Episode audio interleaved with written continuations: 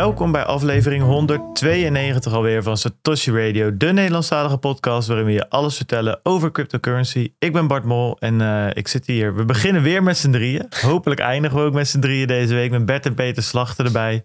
Jongens, goedemorgen. Ik hoop het ook. Want dat betekent dat mij allerlei misère bespaard blijft. Ja, ja want uh, hoe, ga, hoe gaat het met je? Dat vroegen de mensen zich toch een beetje af. Je hebt veel beterschap gewenst gekregen. Heeft dat een beetje geholpen? Ja, dat is natuurlijk gewoon leuk om te horen dat mensen je beterschap wensen. Ik weet nog niet of dat, echt, of dat nou echt geholpen heeft, maar... Um, Spurious correlation uh, hebben we het dan over waarschijnlijk. Ja, ja nou ja, ik, ik hoor van de meeste mensen die corona krijgen dat ze, het, uh, dat ze er weinig van gemerkt hebben. Maar um, dat was bij ons zeker niet zo. Dus uh, bij ons was het gezin wel echt even een weekje in de ban van, van, van kots, van diarree, van koorts, van slapen op de bank, van lamlendig zijn. En um, ja, maar dat, dat, dit, dit is in een willekeurige volgorde. En dit geldt niet voor iedere persoon in het gezin trouwens, zeg maar alle klachten. Uh, er zijn, was ook iemand die zijn uh, smaak helemaal verloren had, bijvoorbeeld. Allemaal heel, uh, ja. Het is wel, een, is wel, een dingetje, corona.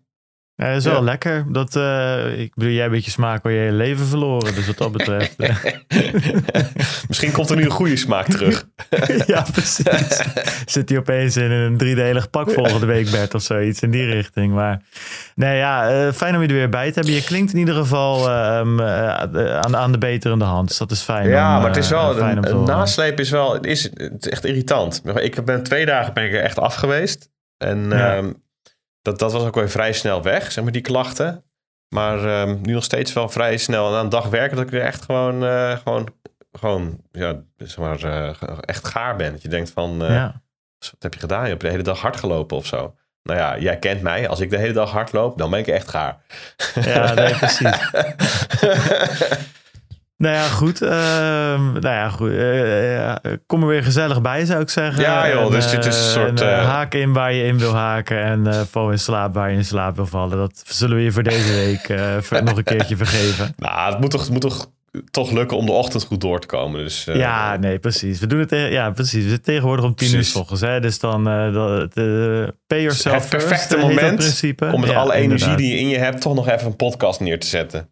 Ja, nee, precies. Nou, dat is het laatste wat je doet vandaag dan. Nou ja, goed, dan is het wel iets belangrijks geweest. Hey, deze podcast die wordt mede mogelijk gemaakt door Anycoin Direct, Bitcoin Meester, Watson Law, Ledger Leopard, Bitfavo, Amdax, Vanek, Blocks en BTC Direct. Alles wat wij vertellen is op persoonlijke titel en moet niet worden gezien als beleggingsadvies. Je ziet, die vul je ook deze week nergens in. Uh, die hou je voor jezelf. Uh, je 24 woorden, schrijf ze ergens op. Koop daar een mooie seed plate voor en bewaar ze ergens waar, uh, waar, waar iemand er niet zomaar bij kan komen. Uh, als je het leuk vindt, als je deze podcast leuk vindt, laat dan even vijf sterren achter op Spotify. Like de video op YouTube, uh, subscribe, dat soort dingetjes. dat helpt ons heel erg. Al 450 mensen hebben dat gedaan op Spotify. Dat is best wel sick. Um, ja, weet je, voor toch gewoon een niche podcast die, we, die, die, die, die we zijn uh, is dat echt veel. Ik zit soms te kijken bij echt podcasts die een veel groter publiek hebben. En hebben dan honderd mensen een reviewtje gegeven. Nou, ik vind het wel gaaf dat bij ons al zoveel mensen dat uh, Zeker. trouw gedaan hebben. Dank daarvoor. We zijn bereikbaar via Telegram en Twitter. De links vind je op www.stoshiradio.nl. En check natuurlijk www.bitcoinalpha.nl. De enige nieuwsbrief die je zowel beschermt als versterkt. Ook in deze zware tijden. Nou ja, we zitten weer even in wat... Uh, uh, rustiger vaarwater. Maar daar zal Bert straks uh, vast uh, wat meer over gaan, gaan vertellen. Nou, ik, ik, ik zag Bitcoin gisteren van boven de 38k naar 37k en, en zelfs even 36k dalen. Toen zag ik alweer de berichten binnenkomen van mensen in paniek hoor. ja, nee. Zeg maar dat, dat, dat vertrouwen dat er is, is flinterdun, laat ik het zo zeggen. ja, oh, oh, oh. ja, ja, ja. Bert, kop, weet je. We, we hebben het over 38 naar 36. Uh, nog niet eens, uh, nog niet, ja, nog niet eens 10 procent. Hey, um, weet je wat nog wel leuk is? Dit is mijn eerste, um, ja, eigenlijk, nou, niet helemaal, maar ja, een beetje wel. Want ik heb gisteren nog meetings gehad en de dag ervoor nog mijn auto ingeleverd. Maar ik ben een vrij man, jongens. Het is, het is zover. Um, ja, Ja, nee, ik, ik, eh, ik, zei, ik, ik, ik ben echt heel benieuwd wat, ehm, wat, wat dat gaat brengen. De afgelopen weken ben je heel onzichtbaar geweest, heel weinig uit je handen gekomen. En nu ben je vrij. Weet je, en nu gaat het dus gebeuren. Nu gaan er... Wat heel weinig uit mijn handen gekomen. We hebben toch gewoon netjes... Uh, gaat het nou krijgen? Ja, goed, ik zet even de stage. Ik wil, ik, ik, dit, dit moet dus een zwart-wit uh, situatie worden. Waarbij je gewoon eerst... Mm. Ja, zat je nog dik in, in je PwC-tijd. En nu vrij man vrij baan. Want er gaan nu dingen gebeuren. Die, die podcast, Die, ja, die wordt gewoon nog, nog in één keer tien keer zo goed. Omdat er zoveel aandacht over is nu voor dit soort dingen. Echt een, een spillover effect. Zijn lekker cryptisch en Bitcoin Alpha. Echt, wordt die, gaat die ondernomen worden. Ik kijk hier naar uit. ik zie je ook blaken van energie en zin en enthousiasme om dat te gaan doen. Weet je, ja, ik, ik, uh, het, het is mooi, mooie tijden komen eraan. Maar los daarvan, geniet ervan, jongen. Gefeliciteerd. Nog een keer applausje voor jezelf. Vrijman. Dankjewel, dankjewel, dankjewel. Nee, ja, het is... Uh... Hoe was het, het, het, inleveren van je auto? Nou, ik moet zeggen, het inleveren van mijn spullen. Ja, goed, weet je. Lever je een, uh, laptop en een iPhone in. Ja, die, die heb je zelf ook. Uh, maar ja, je auto lever je in en dat was wel dat was een goede deal. Dan moet je teruglopen. ja, dat, dat, gaat niet lukken natuurlijk. Hè. Ik bedoel, dat, dat, dat was een deal die, die je nooit meer gaat krijgen. Um, maar ik vind het ook wel eens leuk. Ja, het is ook wel een uitdaging om een beetje te kijken eh, of ik het eh, kan redden met, um, met mijn fiets en het openbaar vervoer in Rotterdam. Nou, dat moet hier wel lukken. Maar als je een beetje uit de stad uh, moet, is het, uh, is het lastig. Dus dat deed, deed wel even pijn toen, uh, toen, toen hij wegreed met een nieuwe, nieuwe Maar goed, jullie hebben alsnog een auto voor de deur staan, volgens mij. Tuurlijk, tuurlijk. Dit, dit, is even, dit, dit, dit is de leven van Bart, hè? Dit. hij gaat van twee auto's terug naar één, jongens. Oh, wat pijnlijk. Ja, we leven nog niet samen. Hè? En uh, die moet ook gewoon naar werk. Dus het is niet zo dat ik die... Uh, ja, maar goed, die we moet, gaan... Die moet naar werk. Dat, is het tegenwoordig gewoon thuiswerken, toch? Uh, nou, valt mee hoor. Dat gaat steeds vaker weer, oh, weer wel naar kantoor, naar klanten. Ja, Heeft ja. PwC geen, geen thuiswerkpolicy? Zeg maar. Ja, wel. Maar na twee jaar is er ook best wel aandacht voor okay. de, de mentale um, staat van, van de werknemers. En voor veel mensen is dat in een, in een klein huisje toch niet helemaal uh, je van het. Uh, en uh, en het is niet de bedoeling dat je ja, vijf dagen per week naar kantoor komt, maar een dag of twee dat, oh, okay. dat mag. en er zijn allemaal apps voor om bij te houden hoeveel mensen er dan komen. En vol is vol, dus dat wordt allemaal hartstikke netjes gedaan. Um, nou ja, goed. Ik, ik vind het heel, heel spannend, heel leuk. Ik vergeleek het deze week een beetje met um, alsof ik op vakantie ga naar een hele leuke bestemming, maar nog niet precies weet hoe het daar is. En op het vliegveld mijn, uh, mijn zakken sta te controleren. Of ik wel de deur op slot heb gedaan thuis, weet je wel. En het gas, uh, gas heb uitgedraaid. Dus zo voelt het een beetje. Um, wel veel leuke ideeën en uh, daar gaan we de komende tijd mee aan de slag. Ik ben gisteren de hele dag bezig geweest met de nieuwe studio nou, in ieder geval de nieuwe tafel en de podcasttafel en alle camera's installeren. Dat gaat heel vet worden. Voor de volgende live show, uh, daar nog eventjes een update over. Die doen we gewoon aan het eind van de maand. Slaan er deze maand eentje over. Um, die van januari dus. Hebben we dat vandaag laten weten eigenlijk? Denk ik niet, hè?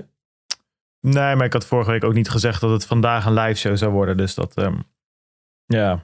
Ah, daar heb ik op zich wel zin in. Want volgens mij kunnen we daarvoor ook gewoon weer een hapje gaan eten. Ja, ja, nou ja, als het niet weer allemaal uh, hals over kop verandert, dan ziet het er wel naar uit dat we gewoon een hapje kunnen, ik ben wel voor om, kunnen gaan om, om, terug naar diezelfde tent in Rotterdam te gaan. Daar bij die, uh, bij die, bij die Vanellenfabriek is dat geloof ik? ja, precies, die, die barbecue tent. Ja, ik denk dat Bert heel graag een loetje wil. Maar daar hebben we het later nog wel even over. Laten we naar de donaties gaan. Nou, dat, dat wordt een kort verhaal. Dat is makkelijk deze week. we hebben donaties gehad van Martijn en Tines en nog een paar anoniemen. Dank daarvoor. Uh, dus vorige week hadden we 170.000 sats uh, en vier notes. Deze week 50.000 sats en geen notes. Nou, we zitten weer even op die uh, supportlijn van nul notes. en we gaan volgende week weer kijken of, of die support het houdt, ja of nee. Bitcoin Alpha, dat hadden we natuurlijk vorige week gezegd dat we op 695 zaten. Zitten we nu op 671 en... Ehm, dat uh, was het laatste restje gratis uh, maand wat erbij is gekomen. Dus uiteindelijk zijn we volgens mij van iets van 570 uh, naar 670 gegaan. Dus dat is hartstikke, hartstikke tof. 100 nieuwe alfa's erbij. Welkom allemaal. We hopen dat we jullie, nou, jullie vertrouwen kunnen terugbetalen met klinkende artikelen de komende tijd. Om te beginnen morgen weer natuurlijk met de wekelijkse roundup. Dan een laatste dingetje, de Ring of Fire update. Afgelopen aflevering was aflevering 10 met Tom. Ja, Tom Choice Naki. Ja, ik denk niet dat ik het goed uitspreek. Maar hij is van Satsback. Ja. Ja. dat is de compaan van, eh, van Leon. Althans, eh Stekking is natuurlijk samengegaan met Satsback. En eh, Tom die is daar ehm, ehm, volgens mij ook een van de eigenaars. Het is een hartstikke interessante aflevering. Wat ze met Satsback willen doen.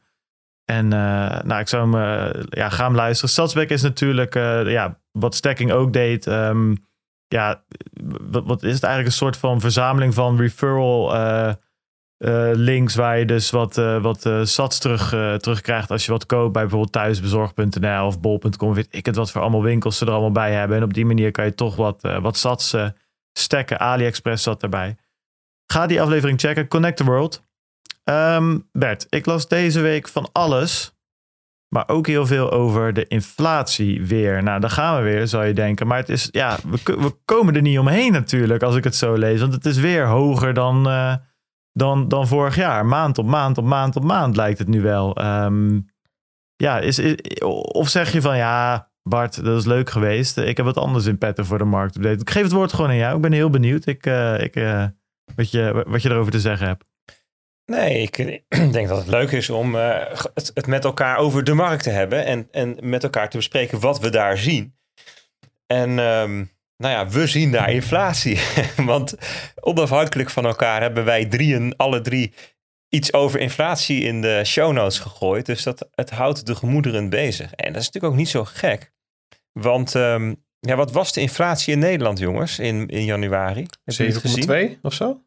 7, 6. 7,6 Ja. procent. 0,6. Moet je Ja, nagaan. ik, ik, ik, heb dus, ik heb dus nagelaten om even uit te zoeken eh, hoe lang het geleden is dat we deze, de, de, zo'n CPI-cijfer hadden. Maar ik denk dat we toch echt naar de jaren 80 terug moeten. Misschien 1980, eind jaren 70, een beetje die orde grootte. Want er zat nog een piekje in 1982, daar zitten we nu denk ik wel boven. Ehm, dus ja, dat, zijn, dat is gewoon opzienbarend. Vooral natuurlijk omdat de rente nul is. Dus je krijgt 0% rente op je bank en spaarrekening. En ehm eh 7,6% worden de spullen die je, die je ga- gaat kopen duurder. Hè? Dus dat betekent gewoon dat als je niets doet, dat je 7%, 7,6% verliest. Als je dat een jaar of negen doet achter elkaar, dan is de helft van je koopkracht van het spaargeld weg. Gesmolten. Als een, nou, we zeggen altijd als een ijsje op een warme zomerdag. Nou ja, dat, dat, dat kan je hierbij wel zeggen, want in negen jaar de helft. En dan kom je haast op ehm, eh, cijfers die, waarvan we twee jaar geleden nog zeiden van nou, dat, dat zie je alleen in Turkije en zo. Weet je wel. Eh, en dat is nu gewoon ehm, eh, Nederland. En dan zit Nederland wel wat boven het Europees gemiddelde van 5,1 procent. Ehm, dus de estimation, dus de verwachte cijfers, die publiceren ze altijd de- op de tweede of zo van de maand. Ehm, we hebben het over de HICP, de geharmoniseerde ehm, eh, Europese inflatiecijfers, die, die elk Europees land volgens dezelfde methode berekent, zodat ze geharmoniseerd kunnen worden. Ehm, en je dus ook één Europees cijfer krijgt, hè, dat is dus 5,1 procent. Waarom, waarom is dat zoveel lager dan Nederland? Waarom is Nederland zoveel hoger? Nou ja, dan moet je kijken naar wat, wat andere landen doen. Dan, dan, dan, dan zie je daar verschillen. Hè? Dus bijvoorbeeld ehm, ehm, Portugal, Finland 3,4 procent. Ik zocht naar Frankrijk 3,3 procent. 3. Hm. Frankrijk 3. Nederland 7. Zo. Hoe zit dat? Hoe komt dat? België 8,5 procent. Ehm, en het verschil tussen, daartussen is, ik denk dat Italië ook lager is. Ah, nu wat opgelopen trouwens, naar 5 procent. Maar het, het verschil is dat in sommige landen de overheden meteen gezegd hebben toen die energieprijzen stegen, wij zetten er een cap op. Dus wij, wij of we begrenzen de energieprijzen wettelijk, het mag niet hoger worden dan dit, of wij gaan meteen compenseren. En dat geeft een hint naar hoe die inflatie is opgebouwd. Als we even kijken, dat heb ik hier natuurlijk ook staan. Heel Europa 5,1% inflatie. Maar als je daar energie uithaalt, blijft nog maar 2,6% over. En haal je ook ehm, voedsel en dergelijke eruit, hou je nog maar 2,3% over. Want voedsel heeft soms ook wel een relatie met energie, omdat natuurlijk eh, voedsel ook be- bewerkt moet worden en, en, en, en energie en... ehm, Nou, die kassen met al die lampen erin, dat soort dat, dingen, weet je wel. dat soort dingen, maar ook fertilizer. Hè? Dus, dus ehm, hoe heet dat? eh, eh, Kunstmest. kunstmest en zo. weet je, Dat soort dingen die hebben ook, eh, ook heel erg gerelateerd aan energie.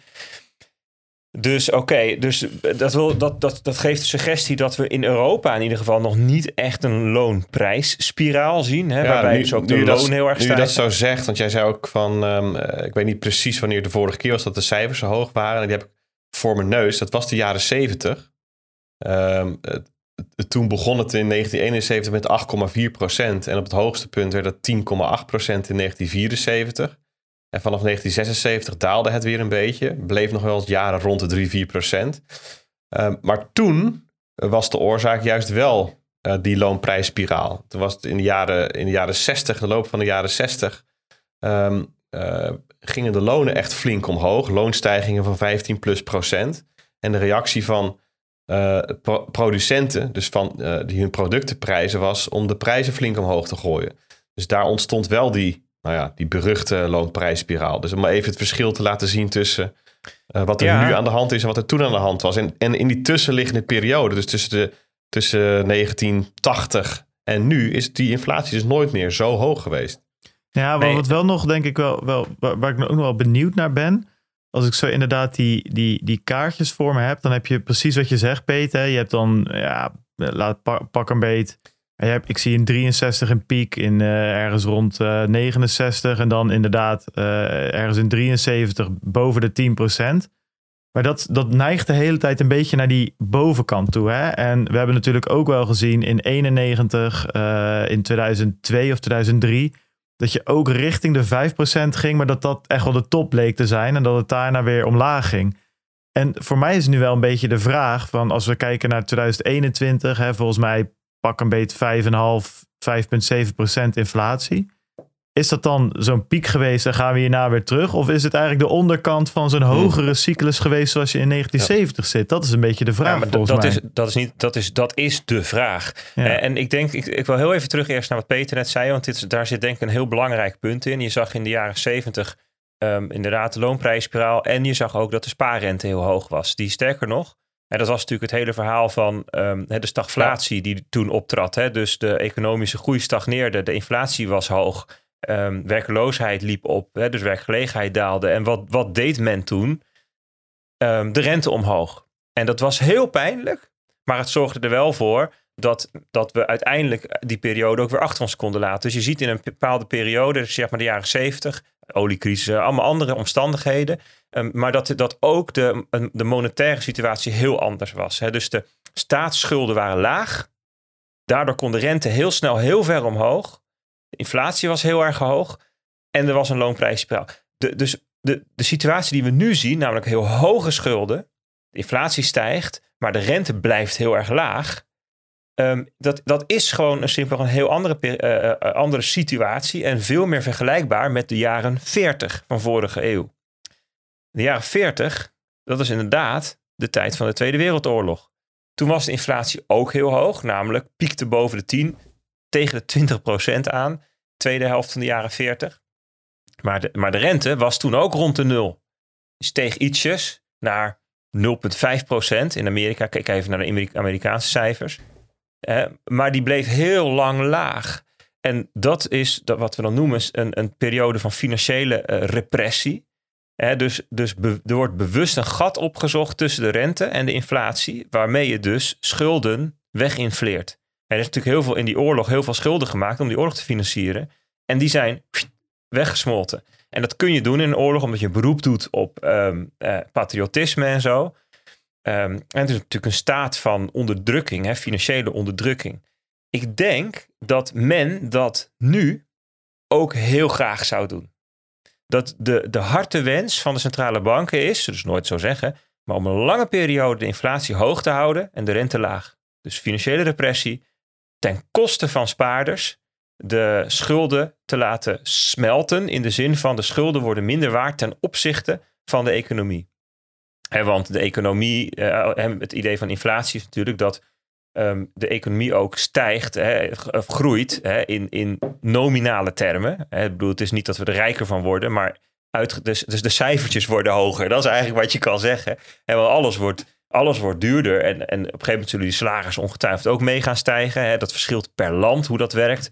In België is meer dan de helft van de lonen um, is, een, is een wettelijk vastgelegde afspraak dat die meestijgen met inflatie. Dus daar ga je gegarandeerd zien dat de lonen ook gaan stijgen. Ja, in Nederland werkt dat anders. Dan heb je CAO-onderhandelingen en die laggen altijd een beetje. Nou ja, het hangt helemaal van de dynamiek van zo'n economie af hoe, hoe die lonen gaan meebewegen. En in Amerika zie je nu al dat dat gebeurt. Ik denk dat Amerika heeft een veel dynamischer arbeidsmarkt. En mensen worden veel sneller ontslagen. Uh, mensen kunnen ook sneller opstappen. Mensen zijn mobieler wat dat betreft. The Great Resignation is, was daar een thema. Hè? Dus dat, dat, dat, dat uh, een grote beweging van mensen die ontslag nemen. Had, dat werd dan ook gerelateerd aan de checks die opgestuurd werden. Van ja, weet je, als ik toch gratis geld krijg, om zou ik nog werken? Het wordt nu ook gerelateerd, um, ze noemen het ook nu de grote volksverhuizing, van mensen die zijn buiten de stad gaan wonen. Want ja, weet je, je kan toch remote werken. En die denken, ik woon hier eigenlijk wel lekker. En weet je, als je dan zeg maar de buitenwijken versus het centrum hè, of zo, weet je, dat soort vergelijken maakt. Zeg je nou, ik woon hier voor een fractie van de kosten die ik eerst had. Dus we hebben nu geen twee banen meer nodig. Of één iemand kan minder gaan werken. dus dat betekent Um, en dat is, de great, dat is dan zeg maar ook weer onderdeel van het thema de Great Resignation. Dat betekent dus dat de arbeidsparticipatie afneemt.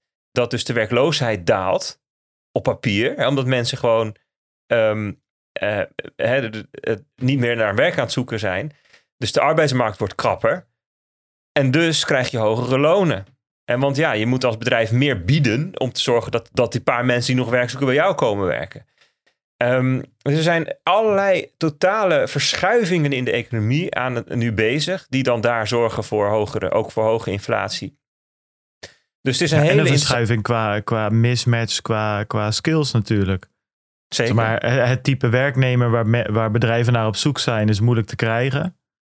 Um, omdat, ja, omdat die er gewoon iets. Uh, we hebben het vaak over ontwikkelaars, mensen met een beetje technische kennis. Uh, dat soort uh, Terwijl de oudere mensen niet meer omgeschoold kunnen worden en de laatste twintig jaar van hun uh, werk, uh, werkende bestaan niet meer aan de baan komen. Daar is best wel een mismatch tegen uh, ontstaan de afgelopen tijd. Die was er natuurlijk al wel de afgelopen twee decennia ook zichtbaar. Hè? Dus dat je, dat je de, zeg maar de klassiek voorbeeld is de, de DTP'er. Hè? Dus iemand die vroeger um, de hele dag op een pc achter zo'n grote CRT-monitor um, magazines zat op te maken. Ja, dat, dat heb je nu haast software voor die dat haast de, zeg maar de redacteur kan dat zelf, weet je wel. Dus um, er verdwijnen banen. Dus, maar dat is waar. Dus je hebt vergrijzing, je hebt uh, zeg maar de automatisering die bepaalde banen overbodig maakt. Um, uh, en dan heb je ook nog dat omdat er grote bedrijven zo ontzettend goedkoop kunnen lenen dat, dat mensen ook nog maar even in dienst gehouden werden, weet je wel. Nou ja, dus, dus dat is mis, misallocatie van kapitaal. Dus je ziet inderdaad dat er dat er allerlei onbalansen zijn ontstaan. En dan komen we even op het punt, de vraag die net gesteld werd. Is deze inflatie nou, is dit nou het piekje? Bart, jij vroeg dat, hè? Is het nou het piekje? Of is het het begin van een grotere beweging? Nou, de hoofdhypothese van centrale banken is dat dit tijdelijk is. Dat was natuurlijk het thema van vorig jaar, hè? van voorbijgaande aard. Tijdelijk, kortdurend. En um, ja, dat is, dat is interessant. Hè? Dus van de week was er um, uh, de baas van het Noorse staatsfonds, het oliefonds. 1300 miljard, 1,3 biljoen dollar onder beheer. Um, trouwens, ja, heel even tussendoor. Nu we het daarover hebben, kunnen we even een heel kort klein zijpaadje doen. Um, er is een podcast die heet Studio Tegengif. En um, aflevering 77 daarvan, dat, dat is een, beetje, een beetje de hoek van politiek.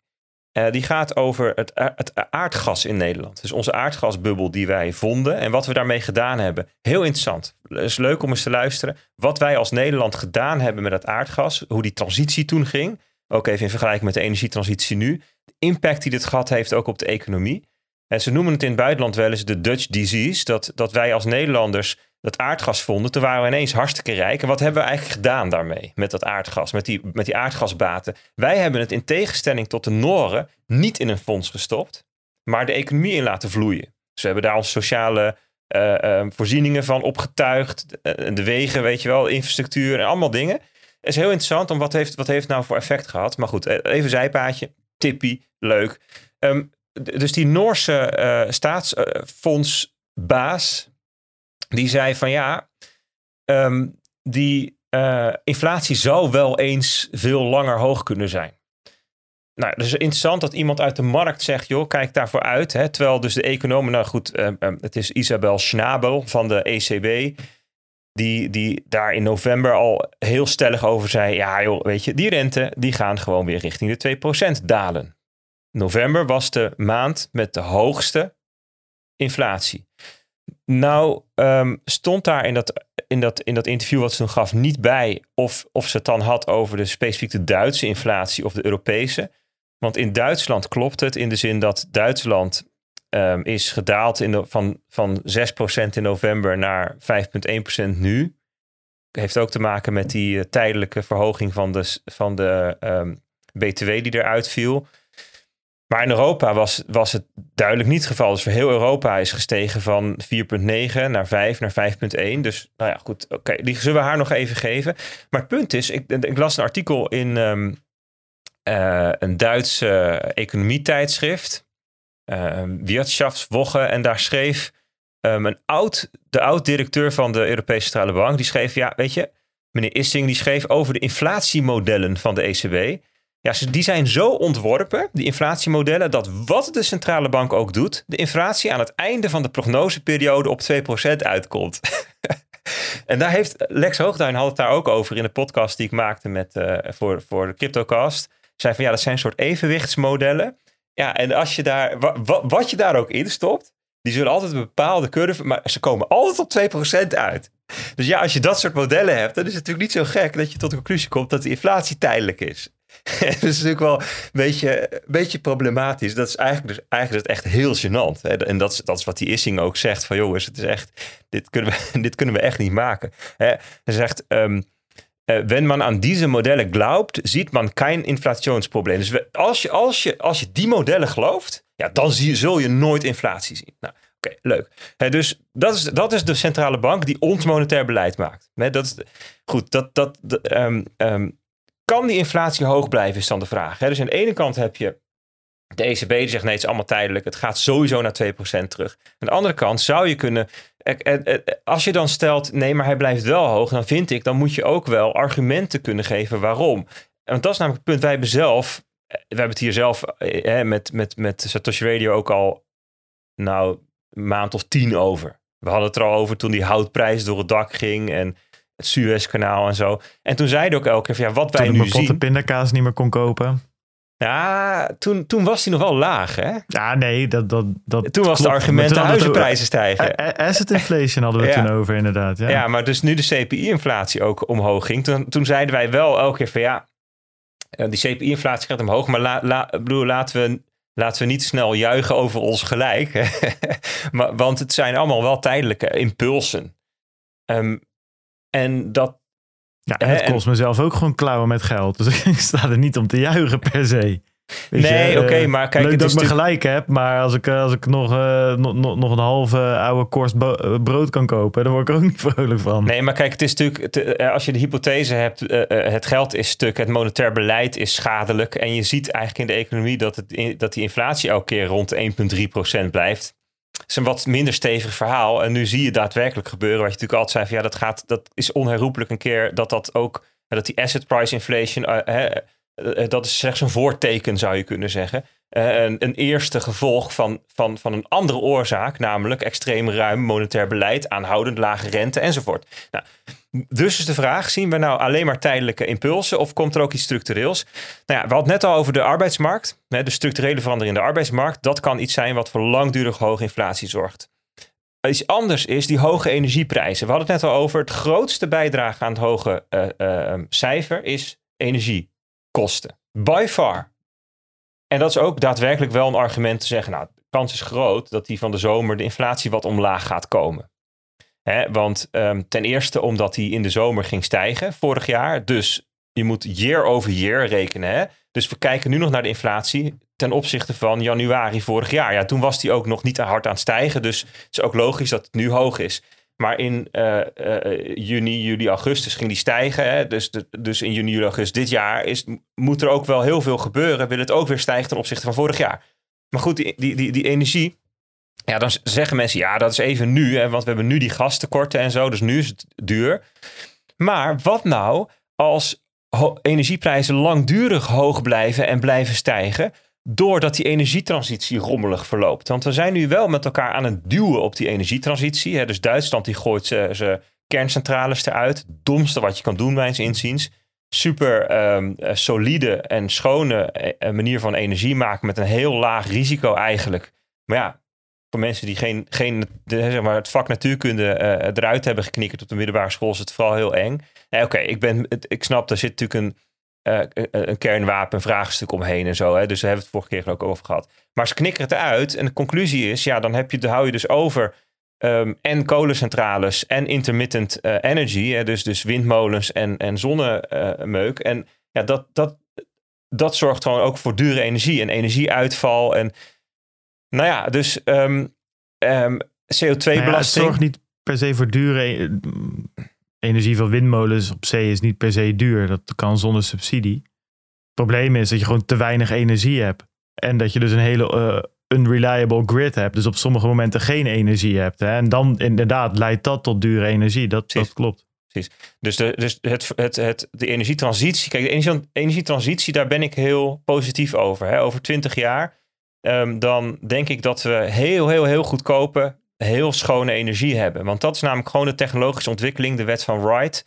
Hè, eh, bij een verdubbeling van het aantal geproduceerde exemplaren van een bepaalde technologie daalt de kosten met een bepaald percentage. Nou, dat zie je ook voor zonnepanelen hè, en voor um, um, energieopslag, hè, dus batterijen, batterijtechniek.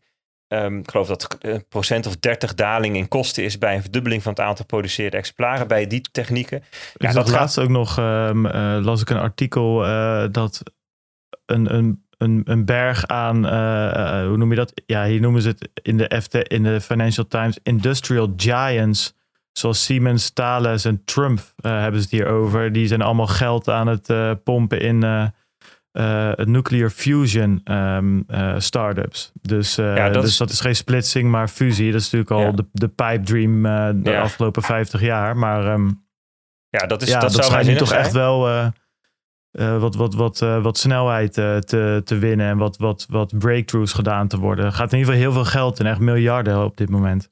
Ja, Voor het eerst in jaren eigenlijk. Er, zullen, er zal honderden miljarden in moeten, denk ik. Het is, um, het is al inderdaad wat je zegt, al decennia staat het op het punt van doorbreken. Hè? Toen ik natuurkunde studeerde, kreeg ik in de eerste colleges van... jee, we gaan binnenkort gaan we een experiment doen die energie positief is. Hè? Dus waar meer energie uitkomt dan erin gaat. Want dat is een beetje het probleem met kernfusie en dat je hele hoge temperaturen nodig hebt. Een paar honderd miljoen graden, 150 miljoen of zo. En dat kan alleen maar met een plasma. En een plasma kun je niet vasthouden. Dat moet in een, in een magnetisch veld. Nou ja, enzovoort. Dus dat is allemaal heel moeilijk. En moet, dus je moet energie hebben eerst. Dus een, een kernfusiereactor, daar zit een energiecentrale naast. Om te zorgen voor dat magnetisch veld. En je wil dus op een gegeven moment dat er dat die kernfusie voor meer energie oplevert dan wat het kost om het magnetisch veld in stand te houden. Dus dat is eigenlijk even de stap die je wil maken. En dan, nou, dat moet dan veilig en, enzovoort zijn. Dus dat, ik denk dat dat nog even duurt. Maar inderdaad, weet je, um, dat is, dat, dan heb je het echt over, denk ik, eh, zeg maar over 40 jaar. Een beetje gevoel dat dat um, erin zit. Maar goed, je weet het niet. Hè? Wat dat betreft. Um, in ja, dat is natuurlijk wel waar we nu ook naar terugkijken, naar de jaren 70, 80. Ja, precies. ik wil dus, net zeggen, de, de, het, het, boek Moonshot is, dat ook, is onder economen nu heel populair. Dat van um, um, Mazzucato.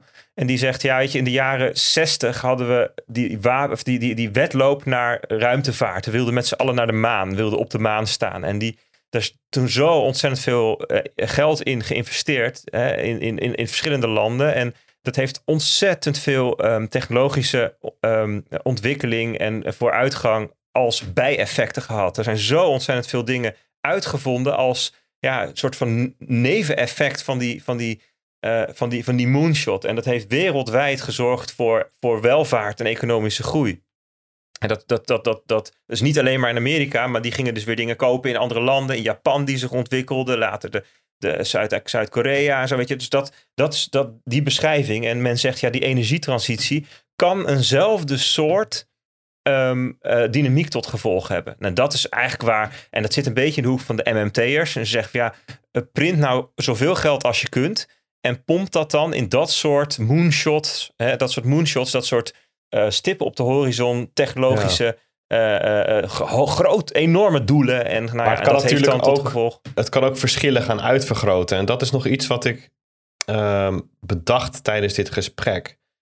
Uh, als we dan toch weer even teruggaan naar de jaren zeventig. Dus dan gingen de lonen omhoog, daarna gingen de prijzen omhoog. Dan kreeg nog even een boost vanwege de oliecrisis. En wat je uh, toen ook zag, was om, omdat die prijsstijgingen relatief lokaal waren, veranderden er bijvoorbeeld allerlei concurrentieposities uh, van industrieën ten opzichte van industrieën elders.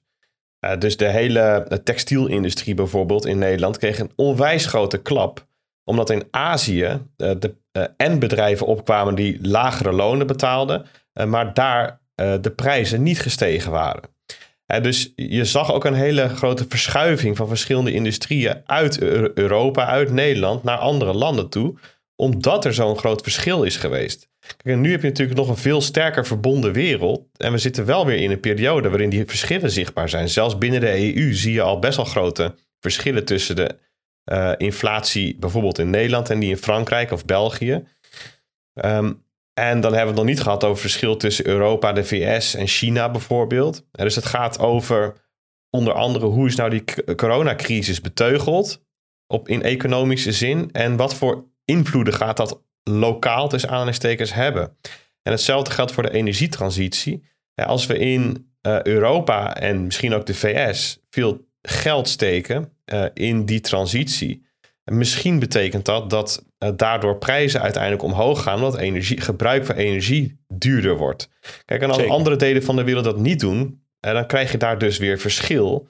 en, en dat verschil heeft vertraagde effecten, onder andere op prijzen en import, export.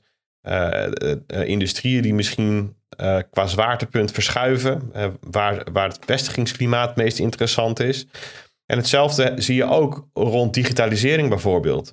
We lopen daar in het Westen um, uh, ten opzichte ja, China niet. Uh, China, VS, eh, Europa lopen qua digitalisering denk ik best wel hand in hand. Op sommige gebieden lopen wij voor, andere lopen zij voor. Maar er zijn natuurlijk heel veel delen in de wereld die nog helemaal niet zo digitaal zijn. En, en die nog een hele, zeg maar, nog een hele vlucht moeten maken rond digitalisering. En misschien daarvan wel de deflationaire krachten die vruchten weer gaan plukken. Waardoor ook weer verschuivingen kunnen gaan plaatsvinden. En daar ben ik wel heel benieuwd naar. We, zitten, we hebben nu best wel een uh, tumultueuze periode achter de rug. Waarvan we nog niet eens weten of die afgelopen is. We zitten met allerlei hele grote veranderingen. En wat, zijn nou die, wat gaan nou die vertraagde effecten zijn? Uh, ten, ten opzichte van de economische machten uh, onderling. Ja, daar ben ik natuurlijk nog niet over uit maar eh, ja, het zal mij niks verbazen dat, dat uh, zeg maar, wat we nu zien, dat we over een aantal jaar constateren van hey, dit heeft op, op allerlei industrieën best wel een grote invloed gehad. Zeker. Nee, dat, sterker nog, dat, dat ben ik van overtuigd dat er allerlei evenwichten aan het, aan het verschuiven zijn. en welke kant, en, zeg maar, aan heel veel van die evenwichten trekken twee krachten. En je kunt dus nu, het is als, hè, voor even voor de traders onder ons, het kunnen fake-outs zijn. Het kan lijken alsof het de ene kant op gaat, maar straks de andere, omdat een andere kracht wint. Hè? Dus ook het inflatieverhaal, ja, er zijn ook hele sterke deflatoire krachten die eraan trekken. De dematerialisatie, globalisering, robotisering, AI, verzin het maar. En nu zie je een aantal infla inflatoire krachten en die zijn nu aan, aan het winnen. Maar dat zegt niks dat, hoe over, hoe het over tien jaar is. Dus je kan je kan daar inderdaad, en er is ook, ook geopolitieke verschuivingen. Dus waar ligt de macht? Waar, waar, wat is de wereldreserve munt? Weet je, er zijn allemaal gesprekken over. Nou ja, we waren even in het, in het, ook in het um, verkennen van zijn er argumenten om dat, dat die inflatie lang hoog blijft. En energietransitie is daar dus eentje van. En een van de manieren waar men nu ook aan denkt is CO2-beprijzing, uh, uh, CO2-belasting. CO2-heffing of zo. En, op grote schaal, Europees, wereldwijd. We hebben het wel eens gehad over de verschillende machten. En dat Europa een regelmacht is. En dat Europa eigenlijk met zijn regels ehm, eh, de hele wereld eigenlijk een soort van kader kan opleggen. En dat kan met die CO2 ook zijn. Hè? Dus Europa zegt, joh, wij gaan die CO2-heffing op deze manier invoeren. Ehm, ja, dus ook spullen die hier geïmporteerd worden uit China, die zouden dan misschien wel aan zo'n heffing onderhevig worden, zodat je ook daar ehm, kan beprijzen wat er aan energie wordt gebruikt. Dat zijn allemaal dingen die worden bekeken. Maar dat betekent wel weer dat, dat, dat, ehm, dat, dat die energiecomponent in onze inflatie hoog zou kunnen blijven. Nou, we hebben het over geopolitieke onrust gehad. Hè? Oekraïne, Rusland. Nou ja, Rusland is onze gasleverancier. Um, China zit ze met watertekorten en, en, en speelt energie ook een rol. Dus het is allemaal. Er zijn wel Ik argumenten. ook dat het weer um, in Texas weer ging vriezen. Ja, dus dat is ook nog maar de vraag of de grid het uh, zou houden, zeg maar. Dat zijn ja, natuurlijk... er, zijn ja. ook protesten uh, over al het um, LNG, hè, dat, dat vloeibare aardgas wat naar Europa wordt verscheept vanuit Amerika. Dus ja, als ze daarmee zouden stoppen, dan hebben we natuurlijk ook een probleem. Dus goed, dat is dat. En de derde argument die ik heb is de globaliseringspiek, hè, of peak globalization. Kijk, het kan, het zou wel eens kunnen zijn dat um, dat effect van globalisering, hè, dus dat je spullen elders laat maken, met andere woorden, arbitrage van arbeidskosten is dat eigenlijk. Hè, dus als je iets in Bangladesh goedkoper kan laten maken dan in Nederland, dan doe je dat. Nou, Peter het net ook even over. Hè? Dus die textielindustrie in Nederland, die is grotendeels verplaatst naar, naar Turkije, naar, naar Azië. Uh, de bedrijven die nog over zijn, dat zijn de bedrijven die heel innovatief zijn geworden. Dus een Tenkate bijvoorbeeld, die maakt hoogwaardige weefsels, eh, extreme R&D. En nou ja, dan, dan blijft dat nog hier. De, zeg maar echt het, het, handwerk, het, het, het productie, is daarheen gegaan. Dat, dat, is, dat is het effect van globalisering. Maar wat nou als de piek al achter ons ligt. Als we nu weer bezig zijn met het ja, iets minder maken van die globalisering. Want ja, we zijn er ook wel achter gekomen hoe fragiel dat is. Hè? Dus met die toeleveringsketens, afhankelijkheid van bepaalde regio's. Nou, je ziet bijvoorbeeld dat Intel weer chipfabrieken in de Verenigde Staten bouwt. En dat Europa heeft gezegd, wij gaan uh, binnenkort een uh, grootschalig Europees plan lanceren om ook hier weer chipproductie naar Europa toe te brengen. Dus zijn, dit zijn allemaal signalen. Het is geen, geen onderbouwing, maar het zijn soort van aanwijzingen dat we dat misschien zien. Dat, dat, dat, dat globalisering niet meer gaat maar bijdragen. Ik, ik vraag me echt heel erg af in hoeverre dat mogelijk gaat zijn. Want wij kunnen natuurlijk als Europa, als regelmacht, allerlei importheffingen gaan installeren, waardoor je eigenlijk zegt we maken dat handelsgebied weer kleiner, want het wordt minder interessant om dingen te importeren. Dus we houden het allemaal binnen de grenzen. Maar ja, er tegenover staat dat een China dan kan zeggen van ja, allemaal leuk en aardig, maar die zeldzame grondstoffen die jullie nodig hebben om computerchips te maken, ja, dus Nee, zeg, maar, Maar zeg dat- maar dag tegen die dat- grondstoffen dan. Maar dat realiseert Europa zich natuurlijk ook. Die zijn natuurlijk ook niet op een achterhoofd gevallen. Dus waar China al jaren bezig is met de New Belt and Road Initiative, om zeg maar in Afrika ook hun tengels te hebben bij die grondstoffen, daar is Europa heeft daar een, een soortgelijk plan tegenover gezet de afgelopen jaren. En die is dus nu ook bezig met allerlei infrastructuurprojecten in Afrika, om daar ook toegang te hebben tot die grondstoffen. En dus het, het- dat zijn allemaal ook voor mij wel aanwijzingen dat er dat, dat, dat zeg maar die, die, die, die tendens van elk jaar toenemende wereldhandel en toenemende globalisering. En want we hebben het, kijk, dat is een beetje het punt ook voor inflatie en deflatie. Je hebt het over verschillen ten opzichte van het jaar ervoor. Dus het gaat niet om de mate van globalisering, maar van de groei of de afname van de globalisering. Dat is de, de, de deflatoire of, of inflatoire in, impuls. in dat scenario van die zeldzame grondstoffen bijvoorbeeld, dan verschuift toch simpelweg het gebied waar vandaan je ze haalt. En neemt- dan daarmee neemt eh, de globalisering toch niet toe of af.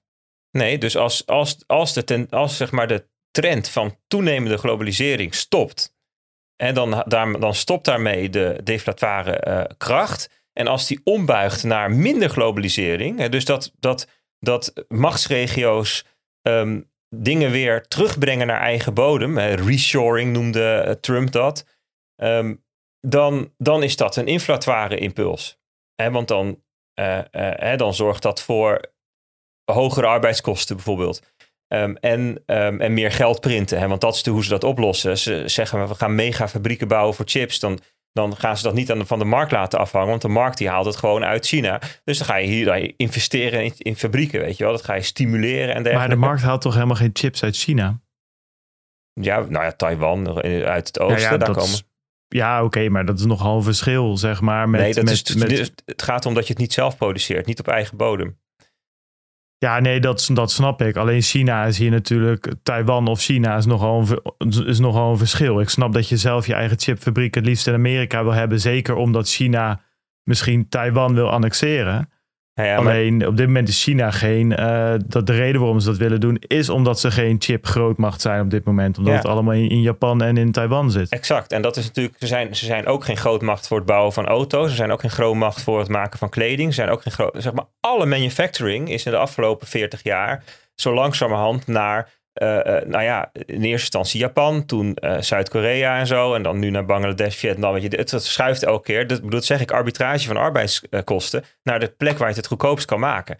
En dus, soms, eh, ehm, ehm, de, de, de hele Rust Belt in de Verenigde Staten, die, die strook van nou ja, steden met allemaal roestige fabrieken, omdat daar niemand meer werkt. En dat is nu ook best wel een sterke eh, ehm, eh, eh, oorzaak van onrust in de Verenigde Staten. Werkloosheid en zo. En ja, dus zeg maar de, de, de- de voordelen die Amerika heeft gehad als hè, de, de, de exorbitant privilege, de exorbitante privilege van dollar als wereldreservemunt. Ze zien nu ook de schaduwzijde. Ja, en Europa, die, daar zit het vooral in het geopolitieke. Dat zeggen, ja, het is toch wel heel kwetsbaar om helemaal niks meer zelf te hebben. We hebben geen leger, we hebben geen produceren zelf meer niks, we importeren over alles. Weet je, dat, die, ehm, dat sentiment, dat zorgt ervoor dat men zegt van ja, misschien moeten we in ieder geval ehm, toch weer bepaalde dingen misschien zelf kunnen. Ehm, en, en alles bij elkaar kan dat zijn dat, dat, dat, dat, we na decennia lang van meer, meer, meer, meer globaliseren, nu langzaam ietsjes minder gaan globaliseren en toch weer ietsjes een stapje terug doen. En de vraag is, is dat een decennia lange nieuwe trend of is het een tijdelijk stapje? En gaan we straks weer verder met globaliseren? Dat weet ik natuurlijk ook niet. Maar het gaat even om, ik was de case aan het maken, zou het kunnen zijn dat die inflatie langdurig hoog blijft? Wat zou daar dan voor kunnen zorgen?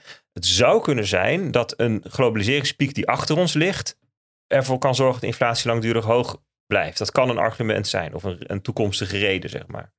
Peet, jij wil wat zeggen? Ah, nou, nee, ik, ik zit meer nog even te kauwen op dat, die globaliseringspiek. Maar dat is niet een, ehm, een scenario waar ik nu, zeg als ik daar nu een oordeel over zou moeten vellen voor mezelf, daar geloof ik echt niet in. Ik, Wat dat die geweest is? Of, of? dat die geweest is. Ja. Ja, dus we zitten aan de ene kant, eh, er zijn, zijn, zijn zo ontzettend veel, eh, zeg maar, de status quo maakt het lastig om minder globaal te worden. Zolang de, de, de rijkdom zo verdeeld is als die nu is. En want het, het terughalen van industrieën naar je eigen grondgebied, ja, dat, dat, ehm, dat zorgt voor nog grotere verschillen als het gaat om prijzen bijvoorbeeld. Want, eh, want de levensstandaard moet wel zo hoog blijven als die nu is. En dat is onder andere mogelijk omdat er gebruik gemaakt wordt van heel andere werelddelen en industrieën waar prijzen en lonen lager zijn. Lijkt me heel ingewikkeld. En, en daarbij speelt natuurlijk dat we eh, nou, bijvoorbeeld met de opkomst van cryptovaluta en bitcoin en, en digitaal centrale bankgeld en het, en het toenemen van de digitale space, dat dingen per definitie meer grenzeloos lijken te worden. Eh, En dat, dat ju- jurisdicties met elkaar aan het verbinden zijn op, op dat gebied. Lijkt, ja.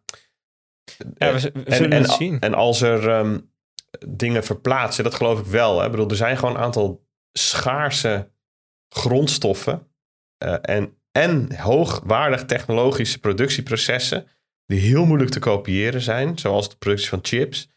Ja, eh, daar, liggen, ik bedoel, dat, daar liggen wel du- duidelijk uitdagingen. Hè. Maar ja, ik geloof niet dat dat een vermindering van globalisering tot gevolg heeft, maar meer ehm, de plek waar je dat soort dingen vandaan haalt of produceert verandert misschien. Ja, en ik denk ook wel dat je daar moet, moet kijken met, met het eh chipproductie voorbeeld. Ja, dat, dat is wel zeg maar het, het eh, eh, goud. Ja, goud is, is, is niet het goede woord, maar de, bijna de olie van, de, van, de, van deze eeuw. Zeg maar, als jij, als jij die, die, die, die chipfabrikanten hebt, eh, dan, ja, dan, dan, dan, ja, dan ben je de baas eigenlijk. Dat, dat, dat, dat is waar alles op draait. Chips zitten overal in. Nou, dat hebben we afgelopen twee jaar, anderhalf jaar gezien toen ze niet goed verkrijgbaar waren. Waar dat toe leidt. eh, tot, tot aan de auto's aan toe die, die, eh, die niet meer van de, ehm, van, de, van, van de band af kwamen rollen. En ik, zeg maar, ik vind op zich een, eh, eh, eh, een goed voorbeeld, maar wel met een paar kanttekeningen dat daar heel veel andere machten op dit moment ook nog Tuurlijk. aantrekken buiten de, de, de, de vergrote globa globalisering, ja of nee. Want bijvoorbeeld die kleding waar we het eerder over hadden, ja, dat zie ik echt niet zomaar weer uit die landen terugkomen ehm, vanaf hier. Misschien dat we minder gaan consumeren hoor, of betere kwaliteit kleding kopen en een beetje van die fast fashion afgaan. Maar niet zozeer dat de productie terug naar, naar, naar het westen gaat komen. Nou, la, la, laat me er twee dingen over zeggen. Ik denk niet dat ik een voorbeeld kan bedenken waar niet ook tegenargumenten tegen zijn. Of, of connotaties bij te maken zijn. Dat is één. Ten tweede, ehm, ja, ik vind het ook wel leuk eigenlijk dat we hier verschillende visies op hebben. Laten Ja. we de komende jaren maar eens zien hoe het, eh, hoe het ehm, zich, zich ontvouwt. Ik heb- we zouden er nog een keer een hele uitzending over kunnen maken. Want ik denk, ik heb nog wel een zootje meer argumenten voor het peak globalization thesis. Maar ik denk dat het een beetje te ver voert om die nu er nog weer even in te gooien. Ehm, en het is ook leuk om- nog even over die hack te hebben straks. Dus laat me, laat me nu het verhaal marktupdate-wise afmaken voordat we eh, verzanden in het globa- globalisatievraagstuk. Stel, stel hè, dat die inflatie toch een, een, een, een, een twee jaar misschien wat hoger, dat er toch wel wat, wat, wat meer impulsen zijn die hem hoog houden. En dat dat het scenario is. Dus dat die, hij zal wel wellicht wat dalen hè, naar, en dat heeft ook met die jaar op jaar effecten te maken, naar 3%, 4%, 5%. Hè, dat sowieso hè, vanaf waar we nu zitten zal, zal het wat omlaag gaan. Eh, want anders zou je nog weer een versnelling van de groei moeten hebben ten opzichte van vorig jaar. En dat zou wel heel stevig zijn. Maar ehm, de vraag is, gaat de centrale bank die rente laag houden of niet? Dat is de grote vraag. En wat gaan ze doen? Hè? Gaan ze... ehm, wij hebben het wel eens hebben, eh, over dat ze zich in de hoek van de kamer geverfd hebben. Ehm, Mohammed El Erian, dat is ehm, de eh, hoofdadviseur van Allianz en de eh, voorzitter, eh, de baas van Queen's College in Cambridge, die, die had het over eh, in het Duits dan in eine Sackgasse manoeuvreert. Dus ze hebben zich in een doodlopend steegje gemanoeuvreerd. Van ja, weet je, we, dat, eh, dat, is- dat is het risico wat hij ziet. En en dat doodlopend steegje waar hij het over heeft, is dat ze zeg, maar vastzitten in een mentaal model van het komt wel vanzelf omlaag. En heeft dan vooral over de ECB, waar we het net weer over hadden, die 2%, hè, die, die modellen. En ja, hij zegt ja, ze ontkomen er niet aan dat ze toch die rente moeten gaan laten stijgen. En dat zou dan een beetje rijmen met Amerika, waar ze eigenlijk ook een heel, heel lang hebben volgehouden. Nee hoor, het is echt tijdelijk. En toen heel snel die draai hebben gemaakt van nee, we gaan toch serieus verkrappen. Nou, dat is waar we nu met de bitcoin koers ook last van hebben. En van ehm macro-gevoelige eh, eh, handelaren, hè, dus participanten in de markt, die zeggen, nou dan gaan we, eh, gaan we wat bitcoin eh, afschalen of verkopen of speculeren erop dat het daalt of hoe dat dan ook tot stand komt.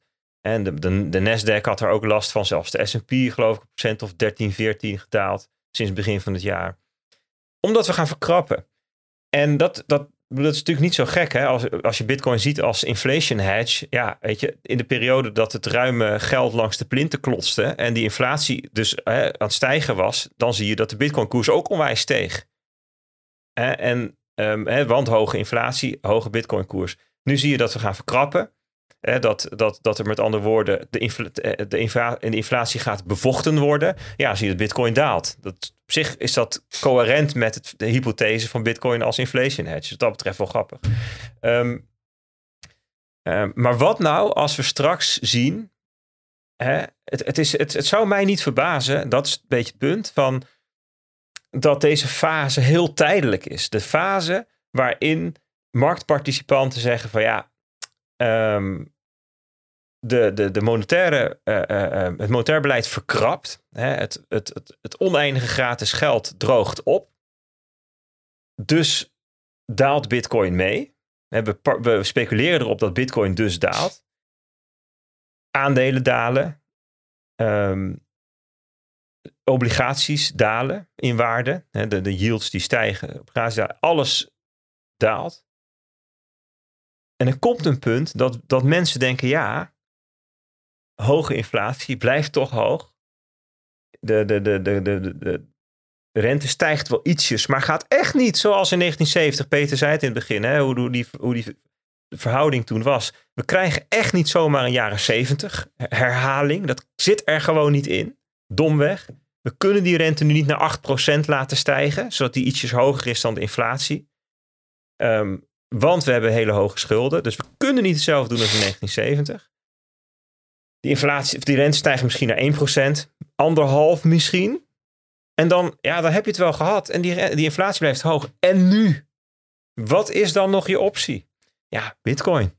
En als dat een conclusie is van een toenemend aantal mensen, en we zien nu één voor één dat er analisten zijn, dat er investeerders zijn, dat er hedge fund managers zijn die tot die conclusie komen, die een draai maken, die zeggen, joh, ik was in het verleden nogal sceptisch op Bitcoin. Sven Heinrich, volgens mij had het vorige, keer erover. Eh, Ik, ik herzien mijn mening. Ik denk dat als ik nu kijk naar macro-economische vooruitzichten, dat er, dat, dat er straks eigenlijk maar één asset class is die echt interessant is nog om, om vermogen naartoe te verplaatsen. En dat zijn digital assets. En eh, joh, lieve bitcoiners, I'm very sorry. Maar eigenlijk al die professionele eh, investeerders, vermogensbeheerders, die kijken naar de asset class digital assets. En niet naar bitcoin als enige ding op de wereld. En je ziet wel Komen verschillen wel zijn. achter. Nou, je ziet wel verschillen. Hè? Dus zo'n Denta Piero bijvoorbeeld, die, eh, die, die eh, oude goldbug. En die heeft ook wel wat kilometers op de teller, ook rondom Bitcoin. En die zegt wel van ja, ik, ik voel me wel ehm, in het bijzonder aangetrokken tot Bitcoin. Maar hij zegt, ik heb niet het, de, de kennis om ten diepste te begrijpen wat nou het verschil is tussen Bitcoin en Ethereum.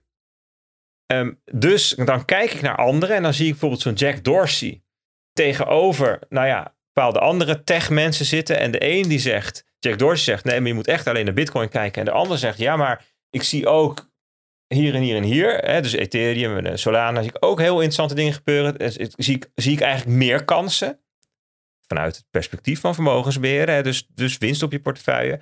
En als zij al opposing views hebben, wie ben ik dan om te zeggen, hoezo zit het? De mensen, de meest, de slimste mensen ter wereld, die hebben opposing views hierop.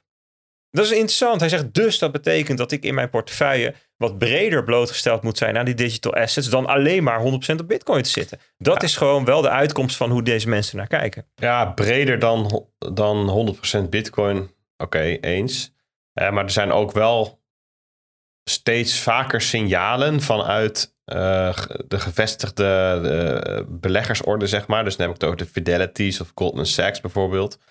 Eh, die wel heel duidelijk onderscheid maken tussen Bitcoin en de rest.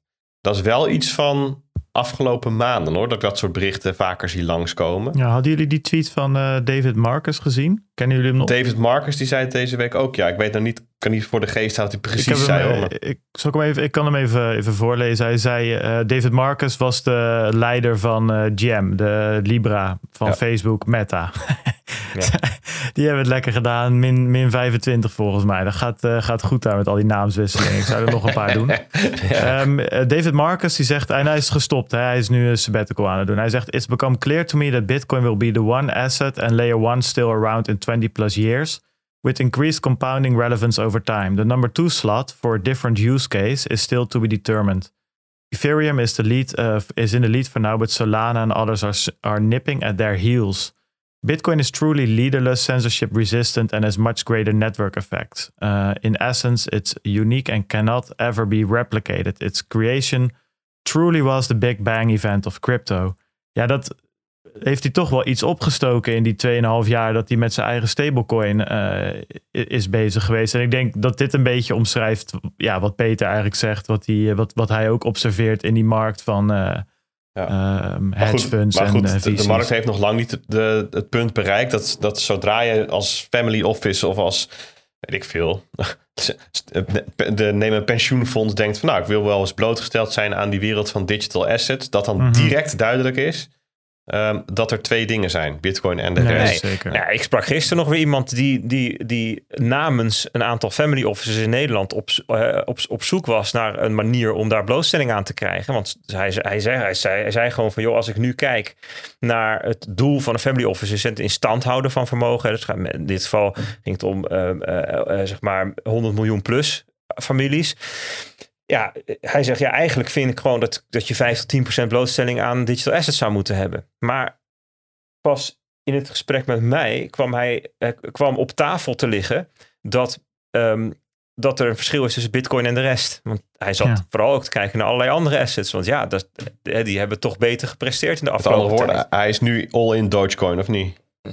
Shiba. Nou ja, dat, dat, dat doen ze niet. Dat Een doen ze niet. gekocht waarschijnlijk.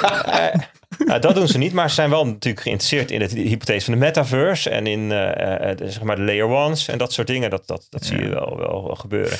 Maar goed, dus, dus Zullen wij terug- eh, naar de verder gaan, jongens? Of, ja, ik ben, ik nog, ben driftig op zoek naar de, op, aan, aan toewerken naar de afronding. En, en we je, elke keer je springt prachtige rabbit holes elke keer in, maar... Ja, ik, ik- en ik, ik laat jullie ook even lekker induiken.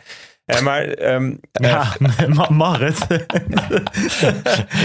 Het klinkt als... met. Kijk eens jongens, daar is een hole. Ga er maar even inspelen. ja. maar ik ga wel even spelen daar. Joehoe, pap is weer klaar, kom.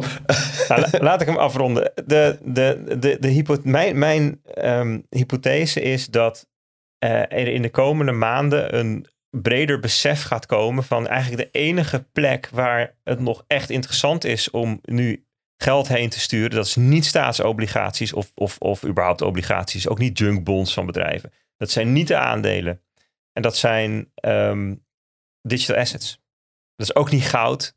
Hè, maar dat zijn digital assets. En dan is dus de vraag, ja, inderdaad, gaat men in Shiba of in Bitcoin? Oh, ja, ik ja. dacht dan is dus de vraag, when moon?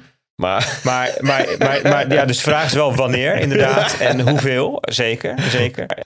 Ehm, ja, dus, dus mijn verwachting, nee, ik, mijn hypothese, want ik weet het niet, maar ik, zou, ik ga dat zo heel erg op letten, is dat de correlatie tussen die ehm stock markets eh, en bitcoin, ehm, zowel meetbaar in de koersen, hè, dus echt zeg maar de, de, de econometrische correlatie, als in de, de narratives die we zien, dat die omlaag gaat. Dus dat de correlatie daalt. En dat we zien dat, dat Bitcoin ja, over een aantal maanden zich eigenlijk los breekt van de trends eh, binnen aandelen. Die maar zo eens nog een tijdje zwak zouden kunnen zijn. En dat Bitcoin op een gegeven moment gezien gaat worden als hey, ehm, ja, we moeten toch ergens heen met het kapitaal. En dan, en nu.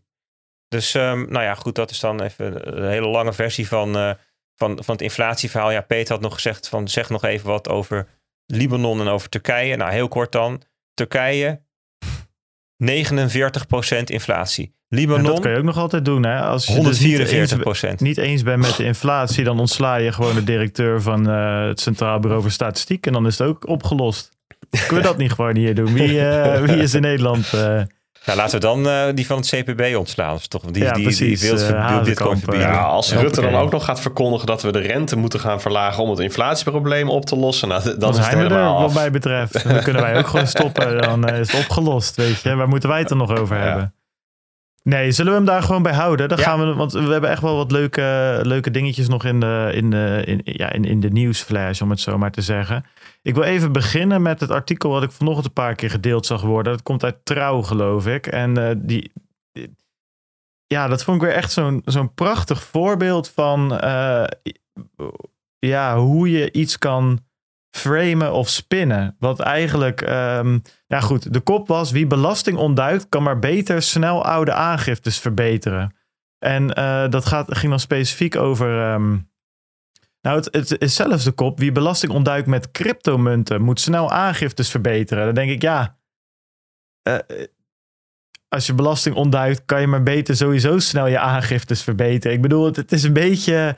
Denk, wat, moet ik hier nou mee? Nou, er komt een heel, heel artikel waarin eh, in geschreven wordt eh, dat eh, bijvoorbeeld voor wie afgelopen jaar zijn bitcoins of andere cryptomunten niet heeft opgegeven bij de Belastingdienst, hebben strafadvocaten en belastingsadviseur een klemmend advies.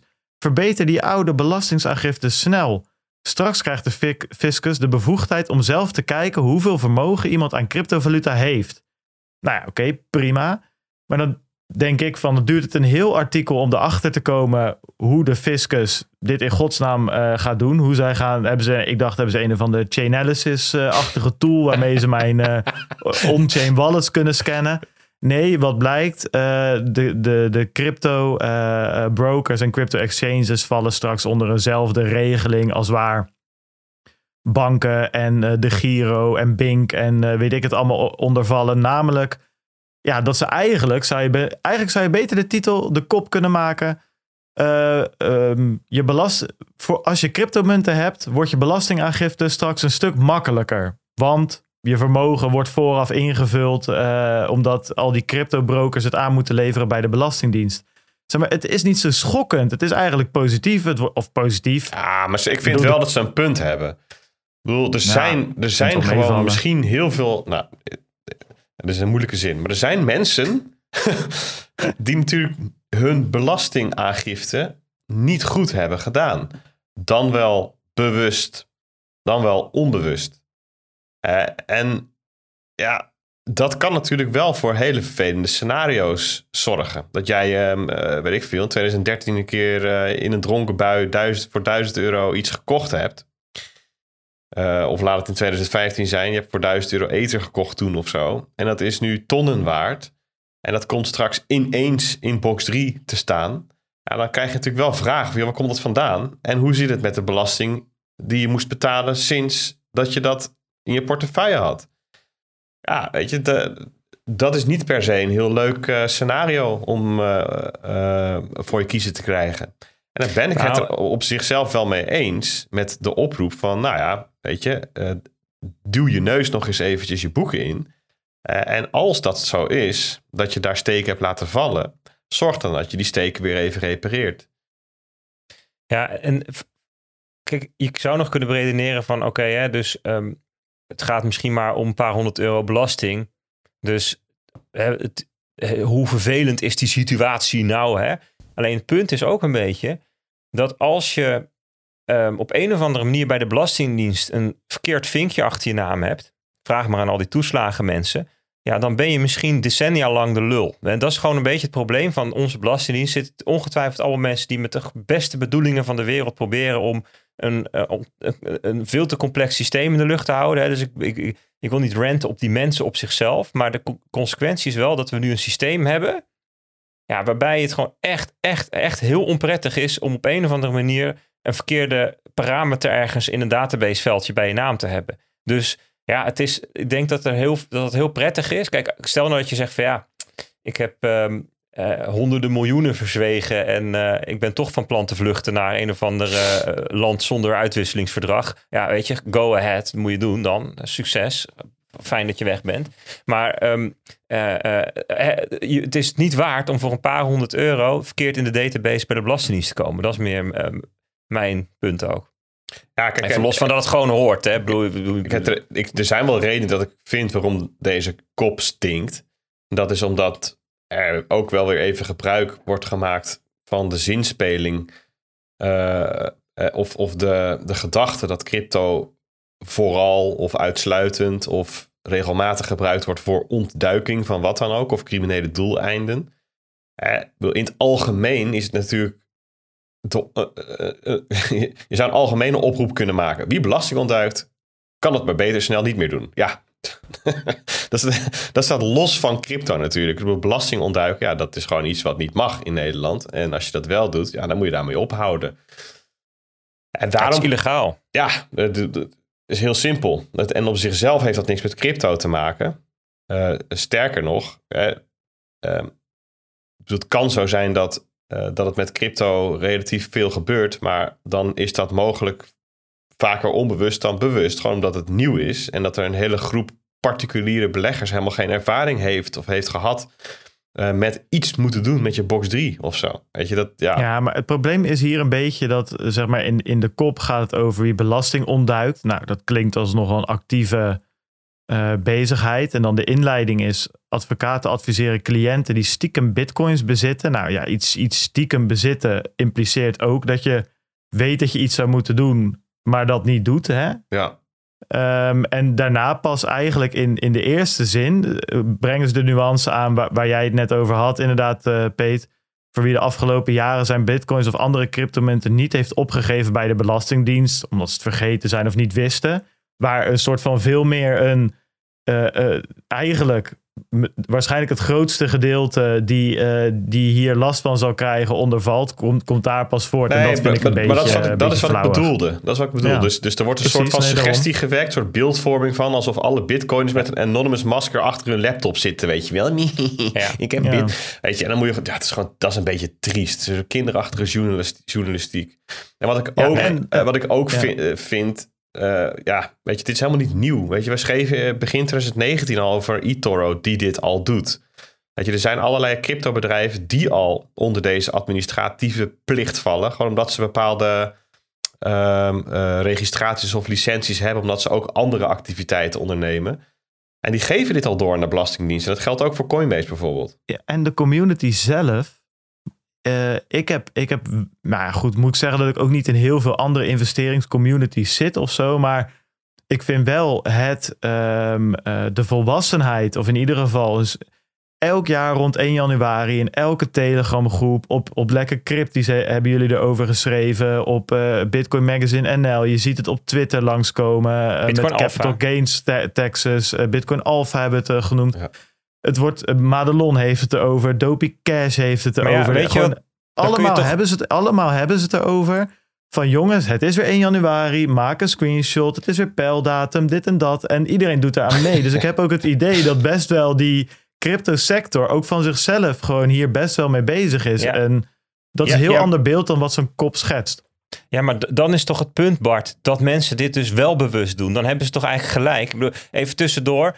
Ik ben het ermee eens met de observatie dat de koppen de laatste tijd stinken. Ook bij het FD. Pas ik op Twitter in het interactie met Madelon over gingen we over het witwassen van crypto's. Ik bedoel, die kop die, die, die, die, die, die, die is zo ontzettend niet passend bij het stuk. En dus, maar dat zijn vaak de koppen. Ik spreek wel journalisten die dan ook niet blij mee zijn. Maar het zijn vaak de koppenmakers. Ik denk dat, dat we daar nog een keertje een campagne op moeten doen. Dat we koppenmakers moeten gaan orange pillen. Want er wordt er een heel mooi genuanceerd stuk geschreven. De journalisten die, die begrijpen inmiddels een beetje hoe het zit. En dan komt er een kop boven dat je denkt... Hoe krijg je dit uit je pen? Nou, daar, daar is dit er dus ook een beetje eentje van. Ja, dat is wel Maar goed, maar goed. Als dan inderdaad de, de community het er al jaren, elk jaar over heeft. En er zijn dus blijkbaar toch nog heel veel mensen die het niet doen. Nou, hebben ze dan misschien niet ook een beetje gelijk dat mensen het wel bewust Ja, maar dat haal ik dus niet echt uit dit stuk. Er zijn een paar advocaten die uit eigen... eh, Nee joh, maar eh, dan, nou, dan overschatten we de community echt compleet. Ik bedoel, er zijn eh, meer dan een miljoen crypto-bezitters in Nederland. 1,6. Ja. Ja, ik, ik bedoel, ik, eh, Nee. ik bedoel, wij bereiken een, een boel mensen, maar niet 1,6 miljoen Nee. mensen. Nee, maar dat er ook helemaal mee niet. eens. Maar Madelon wel. Ehm, en niet 1,6 miljoen, Nee, maar best een, best een stuk daarvan. Maar Ja, het punt wel, is, kijken 150.000 eh, man naar, naar sommige van de video's. Dus het is best wel een bereik. En Ja, maar goed, dat, dan heb je het over minder dan 10% van dat aantal bezitters. Eh, I don't know. Die, dat, dan, moet, je- dan neem je aan dat iedereen die dat hoort, die dat bekijkt, ook daadwerkelijk die oproep ter harte neemt of hoort of luistert. Of, eh, het is, het is ook gewoon een vraag in je IB-aangifte. Hè? Ik bedoel, het staat er gewoon. Je moet het gewoon, je, bedoel, je moet er nul invullen als je, als je het niet hebt. Ik bedoel, het is, Ja, Het is niet dat je het niet kon wel. nog nooit gezien. Ja, ik bedoel, je moet het gewoon invullen. Ik bedoel, dat, was, dat was vijf jaar geleden anders. Hè? Toen werd het nog niet gevraagd. Maar maar sinds ja, wanneer is dat? 2019 of zo, Ja, ik- denk ik. Ik doe mijn IB-gifte niet, niet zelf. nee, je moet het niet. wel aanvinken. Eh, en als je onder de grens blijft qua vermogen, dan is dat wat het is. Maar je moet dan wel een soort aangeven, oké, mijn vermogen is onder de 50k en het is eh, ongeveer in deze, in deze factoren zit het. Ik spaargeld, beetje zus, beetje zo. Ja, kijk, in die zin, ik bedoel, iedereen, iedere, iedereen die zijn belastingaangifte doet en dat dus niet opgeeft, ja, je zou kunnen zeggen, die ontduikt dat bewust. Eh, Ja, en het, het, het is ook nog voor iets anders belangrijk, eh, jongens. Hè? Want als je op een gegeven moment ooit die bitcoins weer in het traditionele financiële systeem wil, omdat je er bijvoorbeeld een huis van wil kopen, Ja. en het zal nog wel even duren Ja. dat, je, dat je dat er gewoon daadwerkelijk één op één met bitcoins kan doen, dan, dan moet je naar een broker. En brokers, die, ehm, of, of handelshuizen of wat dan ook, die, die gaan hier ook naar kijken. En ik bedoel, pas een hele interessante podcast. Moet er even een podcast tipje tussendoor, dames en heren. Compliance adviseert. Compliance adviseert heet die podcast. Met Simon Lelyveld. Zoek hem op.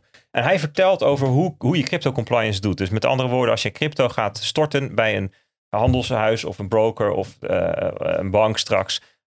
Hoe, kijken, hoe gaan ze dan nou kijken naar ehm, de, de vragen in, de, in het kader van de WWFT, hè, witwaswet, van hoe ben jij daadwerkelijk eh, legaal aan die bitcoins gekomen? Of ben jij toevallig een money mule, een geldezel? Of heb jij, ben aan het witwassen? Heb je het zwart eh, verdiend of wat dan ook? Heb je het ontdoken? Dan gaan, zij gaan op, daarna, zij moeten daarnaar op zoek. En, en, en Simon die zegt, ja, als ik in dat soort gevallen tegenkom dat iemand ehm, eh, het niet heeft aangegeven, of iemand die heeft een verhaal wat niet deugt of wat niet klopt. Ja, hij zegt, ehm, eh, one strike and you're out. Als ik één keer zie dat je tegen me, dat je dingen, informatie hebt achtergehouden, of dat je gelogen hebt, of als, je, als het verhaal niet klopt, ja, dan, dan, dan kan ik er niet mee verder. Want je, moet me gewoon alles vertellen, hè, weet je wel. Dus dat is wel hoe er naar gekeken wordt. En, en ja, wees dus niet zo dom om jezelf steeds dieper in te graven, zou ik haast willen zeggen. Ook als je bijvoorbeeld ooit crypto hebt gekregen voor je arbeid. Dat is weer een heel andere eh, eh, gedeelte van het verhaal. Maar voor sommigen van jullie ongetwijfeld relevant. Als je ooit gewerkt hebt en je hebt daarvoor als salaris of beloning of betaling bitcoins of ethers of wat dan ook gehad. Ja, dan is dat inkomen. En dan moet je daar inkomstenbelasting over betalen. En heb je dat niet gedaan, dan is het zwart geld. En als je dat gaat inbrengen bij een cryptobedrijf en het is een significant bedrag, dan gaan ze kijken hoe het zit. Kan je gewoon gif, gif, vergif op innemen. Het kan zijn dat. Vergif op innemen. Het kan zijn dat ze het missen, weet je wel. Maar dan, ben- dan, heb je, dan is het je dus gelukt om wit te wassen. Nou ja, ik weet niet of je daar blij mee moet zijn. Ook en dat een soort betekent dus, bucketlist item ergens. ja, precies. Het is me gelukt dat wit was. Maar dus het punt is, denk hierover na. En die inkeerregeling betekent ook dat je kunt zeggen... joh, ja, mm, ik was er me niet van bewust. Ik bedoel, ik kreeg eters voor iets wat ik deed. Of bitcoins, nou prima. En nou ja, achteraf gezien, ja, hm, weet je wel, het moet anders enzovoort. En Ik fix dat. eters, eters voor, eh, om, om, om wat eh, gevelde wapens aan te leveren. Oh, dat mag ook niet. Shit. is daar ook een precies. inkeerregeling bij de politie voor? Ja, Maar goed. ja. Nee, maar goed, dus dat is, het, is, het, is, het punt is wel een beetje gewoon Ja. van, eh, ja, kijk, en het kan natuurlijk zijn dat destijds dat het allemaal heel weinig waard was. En het, het kan best een verhaal zijn waardoor je niet meteen een, een boef bent. Maar je kunt, en dat, dat is het stuk ook wat in Trouw stond en ik geloof Telegraaf stond ook. Punt is een beetje, als je er uit jezelf mee komt, dan heb je een heel ander gesprek als dat ze, als zij ermee moeten komen. Ja. Dat is echt, Nee, dat- echt dat- Eventjes, een dat- misschien even ter afsluiting. Ik zag Ja. gisteren in de chat MBTC, die, die eh, plaatste een bericht hierover. Die zei op 17 februari is er een webinar over crypto en belasting. Die wordt georganiseerd door Amdax. Amdax.com slash nl slash kennis slash agenda. Kan je inschrijven. En hier komen dit soort vragen langs. Ja, BDO doet dat, hè? Gro- grote, B- ja, organisator BDO. Nou, eh, Ja. geen Nee, idee. anders Nou, organiseert het, maar grote, BDO wordt... grote, grote accountsorganisatie. Bert, het valt buiten de Big Four. eh. Oh, kle- kleintje. Sorry Bart. Nee, BTO is de, de grootste kleine, zeg maar. ik zie Oh, hier, oké, wat, wat heeft u nodig voor Blijft toch verantwoord nog ergens een? PwC in zitten. Die trots komt nog even. ja, ja, ja. Wat is de impact van het kerstarrest op mijn cryptovermogen? En wat als ik in het verleden ben vergeten mijn cryptovermogen aan te geven? Nou, die, die drie vragen die staan centraal. Dus nou ja, als je nu Ik zou denkt... inderdaad dan zeggen, Peter, laten we daar maar eens naar gaan luisteren. In plaats van dat mensen bij ons eh, dingen, dat we, daar eindigden we de vorige keer ook mee. hey, eh, jij had wat toegevoegd, eh, Pedro, en Bertie begon daar ook over. Ik denk dat het leuk is om die op te gaan pakken. De wormhole. Die, die deed wat hij moest doen, staat hier. Maar eh, ja, wat, wat, wat is de wormhole? Wat moest het doen? Wat heeft het gedaan? En, Ah, en waarom nou is ja, het zijn item? Uiteindelijk heeft de, de, wor- de wormhole heeft gedaan wat de naam suggereert dat het zou gaan doen, denk ik. Dingen verplaatsen naar een andere kant van het universum. Dat Ja, is wat de wormhole doet, toch? ja, naar een, naar, een, naar een universum waar niemand zit of zo. Ja. We zitten nu in een ander universum, Bart, Bert en Peter, een eh, podcast op te nemen. En die hebben net eh 80.000 Ethereum op hun wallet eh, gekregen. Ja, volgens mij is de kortste versie van het verhaal. Er is een, ehm, er is een brug tussen twee Bitcoin-steden, tussen twee blockchain-steden ingestort. Waar, daar hebben we het toevallig, hebben we het daar recent over gehad? Over blockchains als steden? die weken voor. De week dat, eh, had je daarvoor, dat hè? artikel, eh, die Ja. Twitter-thread. eh. Nou ja, toen hadden we het er ook over van, nou, beeld je nou in, eh, blockchains zijn steden en er worden bruggen en snelwegen tussen gebouwd om ze met elkaar te laten interacteren en zo. Nou, één zo'n brug heet Wormhole. Achteraf een beetje een, eh, een jammere naam voor een brug. Ehm, en eh, ja, de, de, het- was, waren dat nou de Grieken, Bert, die die bruggen bouwden en, en dan werd de architect ervan eh, werd verplicht om er een, eh, een half jaar onder te gaan wonen? Ja, de, de Romeinen. En het is, Romeinen? het, het, het- de vraag is of het echt zo was of dat een anekdote is opgetekend door een of andere Romeinse eh, filosoof of Ja. geschiedschrijver. Maar Nou ja, ik, ik, ik bedoel, ik, ik denk als een soort gelijke stelregel hier van toepassing was, was die architect er niet onder gaan wonen. Maar ehm, ja, die brug, ah, maar, daar wil ik het, zal ik daar nu even op in, kon je ook kort ja op ingaan? prima. Want, want Jij hebt nu weer een Taleb rabbit hole opengetrokken, Nee, nee, jongen. nee, Daar word je eng van. Nee, nee, maar de grap is namelijk twee, twee dingen. Oh, ja, jongens, dit zijn, we, we gaan even eerst depth first heet dat, hè? Maar dat was leuk. Straks komt alles bij elkaar als Peter vertelt wat er precies gebeurd is. Maar er er stond gewoon met koeienletters bij op de Wormhole pagina zo. Jongens, dit is in active development. En het is distributed as is. eh, pas op, het is very complex piece of software. Bleeding edge, experimental. Mistakes happen. het gaat, weet je wel, ehm, high risk, bla bla bla. Dus Ja, dat Bert, dat, kant, dat voor iedereen tegenwoordig. Is dat, is dat lijkt een soort van afchecklist om er wel iets mee te doen. Ja, ja, ja, ja. Yep, Nee, yep, yep, het- hoppakee, 30 Dus iets ik- ik erin. zie zo'n- ik- van deze brug is toch een beetje spannend. Hè? Dus, eh, Ik zie nu zo'n zo'n enorme hangbrug vormen. Waar maar één staalkabeltje nog verbonden is. Dat ding hangt scheef. Gaten in het asfalt. Borden overal. Ja, weet je wel? ja, precies. En in Van die houten planken daar- met gaten erin. Dat er wat mensen aan werken. Staat er een hele file van mensen. Zware vrachtauto's. Die gewoon over die brug aan het banjeren zijn. ja. Maar het punt is dus, dat is één hè, Met van die de brug. En, vlam in de pijp. Hey, deze brug ziet er wel stabiel uit. en, en het andere is even in het kader van er zelf onder slapen. Hè? Dat, dat- dus de, de- zeg maar, het- de metafoor van die Romeinen is van eh, de brugbouwer moet, als die een brug, de ontwerper en de bouwer van de brug moeten, moeten met hun gezin een half jaar onder de brug wonen. Nadat die af is. En dat is, dat is een, zeg maar een skin in the game is dat. Hè? Dus met andere als je dan zo'n brug ontwerpt of bouwt, dan zorg je wel dat die stevig is, zodat hij niet op je kinderen pleurt. Nou, hè, skin in the game. En de grap is dus, er is 300 miljoen of zo gejat. En dat is dus gewoon ook alweer aangevuld.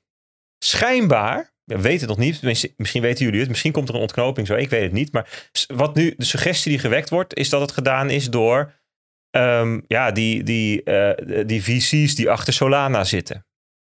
Ja, dan hebben ze wel een soort van skin in the game. Dus wel gezegd, ja, weet je, wij willen niet dat Solana straks door het putje gaat, dat al het vertrouwen weg is. Dus laten we die 300 miljoen maar weer in de pot stoppen. Dat is wel een vorm van onder de brug slapen en game. Ja, volgens mij is, het, is er nog geen ehm, eh, officieel bericht of zo ge- uitgegaan. Nee, toch? nog- van nee, eh, hoe, hoe dat dan aangevuld is. Dus ik, Het is, maar het is dus wel. Dus heeft gewoon iemand gezegd: Oké, hier heb je weer die 80.000 eters. Go.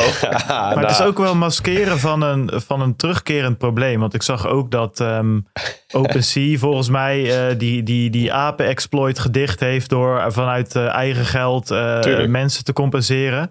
Dus er is zo, die VC's en dat soort partijen hebben zulke bakken met dollars. En ook eh, Binance heeft het al een aantal keer gedaan, dat hacks op deze manier gedicht worden. Ja, En het enige hoe ik dit positief zie zijn, dat is ook een gekke zin, maar de, enige manier wa- wa- waarop dit een positieve uitwerking kan hebben op de lange termijn, is op dat we op deze manier, want dit is niet voor altijd vol te houden. Je kan dit soort gaten niet voor eeuwig aan blijven vullen, puur en alleen maar omdat op een gegeven moment de we hebben nog eters gewoon steeds niet allemaal op verteld zijn. wat er nou is gebeurd. Maar nee, daar komen, komen we op. Alleen, het is een heel kort ding. Ja, mag ik nu ook even? Godsamme. Ja. Maar het punt is, eh, zeg maar, als we dit, dit tijdelijk, net als met eh, money printing, als we daarmee tijdelijk de economie overeind kunnen houden en daarna weer terug kunnen gaan, dan was het de moeite waard. En dat zie ik hier dus ook. Van als we het nu een paar keer aanvullen en daarna zijn al die bugs eruit en hebben we een stevige brug, hè? Nou, prima. We hebben een Ja. goede wormhole gemaakt. Maar stel nou dat dat niet zo is, ja, dan houdt dit een keer op. Je kan niet dit Zeker. soort gaten voor eeuwig vol blijven Maar- duwen met, met 300 miljoen hier en 100 miljoen daar en zo en zo. maar het verschil, Bart, vind ik wel dat eh, Money Printer is een. ehm, eh, daarmee is dat is een, een, zeg maar een, een ongrondwet. ja, hoe zeg je dat? Een, een, een zo- zonder toestemming verdelen van de pijn over het collectief. Met andere woorden, inflatie, dat is eigenlijk een belasting van iedereen. Hè? Terwijl in dit geval halen ze het wel uit hun eigen zakken. Ja, maar Bert, waar halen die VC's 300 miljoen vandaan? Ah, we Dat- lopen dat nu zijn wel de vooruit op kentil- hoe de- de- opgelost de- is, hè? We de- weten- dat weten we helemaal niet. kentiljonairs, eh, van, van, deze, van deze tijd natuurlijk. Ja, maar dat is toch, dat, dat- is toch ah, een verschil met, met, met money printen. Nou ja, het is één schakel verder inderdaad. Ja, zij hangen als eerste bij de, bij, eh, bij de kraan. Ah, Maar goed. ja. Maar goed, laten we dus inderdaad maar eens gaan vertellen wat hier nou eh, aan eens- de, aan, aan ben de het wel hand eens was. met Bert. Oké, dus we gaan even terug naar die brug. Deze brug die stond tussen Ethereum en Solana. Dus, dus dat zijn dan de twee eh blockchain-steden die met elkaar verbonden zijn. En Een van, de, een van de bruggen is het. Een van de bruggen. Ja, en dit is dus, dus een brug in aanbouw. En op die brug, ehm, ja, laten we even zeggen, daar, daar lopen brugwachters op. En je kunt aan de kant van, van Ethereum kun je naar zo'n brugwachter toe lopen. En dan klop je, klop je aan en zegt van, hallo, eh, ik heb hier 100 ether en eh, die wil ik graag eh, aan jou geven. Zodat jij aan de andere kant van de brug kan vertellen dat ik 100 ether op de brug heb gelegd. Dat leg je daar vast. En dan gaat die brugwachter aan de andere kant, die gaat op, op basis van het verhaal van die brugwachter die eh, vertelt van, nou, er heeft iemand 100 ether op de brug gelegd, gaat 100 wrapped ether tokens aan de kant van Solana uitgeven. Dus aan beide kanten van de brug Nee, ligt dan- WH eter betekent wor- wormhole eter. Klopt, ja. Dus, ik, dus niet ik zei wrap. wrapped ether. Dus dat is een, een categorie tokens. En, en ehm, eh, de specifieke uitgifte is vernoemd naar de brug die gebruikt is. Dus in dit geval gaat het inderdaad om WH-ether, wormhole ethers. Dat zijn dus wrapped ethers door, door wormhole. Ja, ja, oké, goed. Ik denk dat wrapped ether specifiek aan de, aan de Ethereum kant zich bevindt. Ja, Ja, het is een beetje technisch, maar het rappen van ether is weer wat anders dan het uitgeven van nep-eters, zeg maar. Of, of in plaats van eters Oh, Oké, aan de andere kant. Om even, dus Oké, dus Ja. Oké, dat zou kunnen. Als dat zo is, dan moet ik het even het verhaal corrigeren. Dus de, er worden dan, je zou eh, zelfs nog wrapped wormhole eters kunnen zou- hebben. ja, precies. De- dus er worden eigenlijk nep-eters aan de andere kant van de brug uitgegeven. Ja. En die, noem, die noemen ze in dit geval wormhole-eters. En die hebben de waarde van ether, omdat aan de andere kant van de brug dus een stapeltje echte eters liggen die daar vastgelegd zijn eh, eh, in een smart contract. Dat is wat er op de achtergrond gebeurt. Alleen, zeg maar, het gebruik van die ether smart contract, dat bevindt zich allemaal binnen het veiligheidsgebied van Ethereum. Ehm, het uitgeven van eh, die nep-eters aan de kant van Solana valt allemaal binnen het veiligheids, bij de veiligheidsregio van Solana. Maar wat er tussen gebeurt, die brugwachters, die leven eigenlijk een beetje in een soort ja, vacuüm, soort trusted omgeving. Ehm, daar is vertrouwen nodig. Dus die, die, die brugwachters die praten met elkaar. Er zijn altijd allemaal namen voor. Guardians, validators, weet ik veel wat allemaal. Eh, en die praten met elkaar en, en die moeten elkaar geloven. Die moeten geloven dat eh, Jaap aan de ene kant van de brug 100 ether heeft neergelegd. En dat het ook echt is gebeurd. En op basis van dat verhaal eh, worden er bij Solana nep-eters ge- geprint. En daar, dat is dus inherent een kwetsbare oplossing. Dus de, daar zit een stuk complexiteit en, en veiligheidsrisico eh, ja, impliciet aan de oplossing die gekozen is om die steden met elkaar te verbinden. Ja, hier ehm, eh, schreef toevallig of niet Vitalik zelf in januari ook over op Reddit. Dus dat, dat hij wel eh, een toekomst voor zich ziet waarin meerdere chains actief zijn, maar niet de cross-chains zoals die nu gemaakt worden met van dit soort bruggen. Omdat die gewoon ja, per definitie onveilig zijn. Ehm, ja, dit is, dit is dus eh, eh, eh, wat er zichtbaar was gisteravond. Dat er ineens 80.000 ether verdween aan de kant van de, van het, van de, aan de etherkant van de brug, zeg maar. Ehm, en daar is teruggeredeneerd. Wat is er nou gebeurd? Nou, er bleken 120.000 nep-eters gemint, zeg maar, gecreëerd te zijn aan de Solana-kant.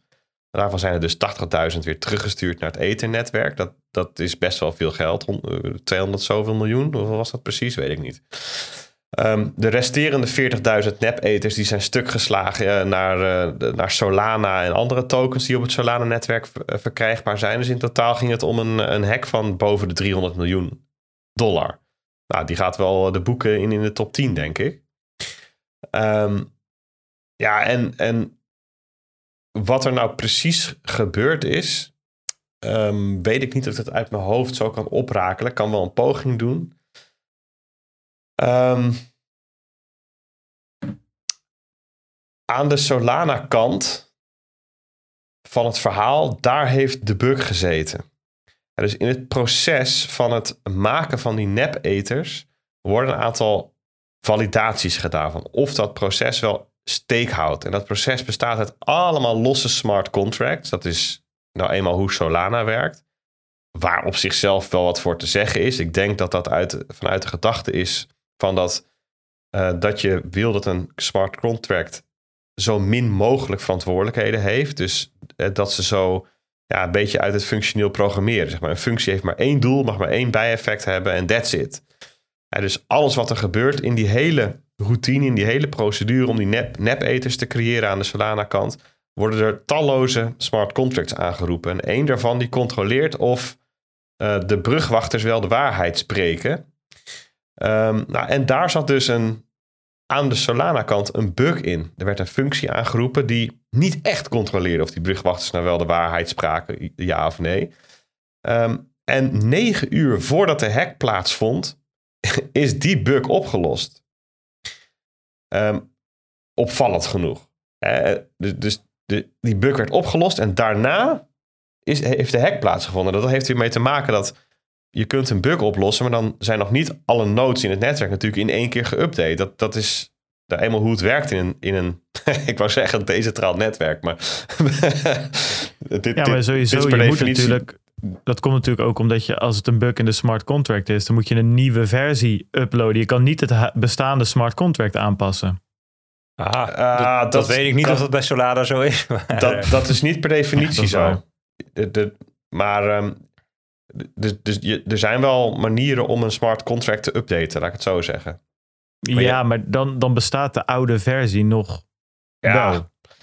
Laat ik het zo zeggen. Het is in ieder geval niet als, je, als er op GitHub een fix wordt gedaan, staat die niet direct live. Laat ik het zo zeggen. Dat geldt al voor, voor, uh, uh, voor, voor oude applicaties, zeg maar. In, in de Web 2-wereld is dat al het geval. Meestal zit er nog een stap tussen het deployen um, uh, en het daadwerkelijk doorvoeren van veranderingen in de code.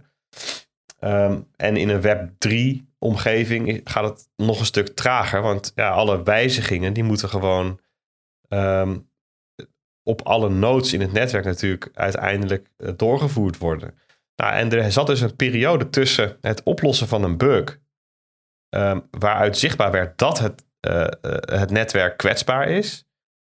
Um, en het doorgevoerd hebben van die oplossing. En, en die periode is eigenlijk misbruikt. Dus dat, ja, dat is natuurlijk weer voer voor allerlei speculatie. Van waren het dan de wormhole developers zelf? Want het is ja, die wisten natuurlijk precies wat er mis was en hoe dat misbruikt kon worden.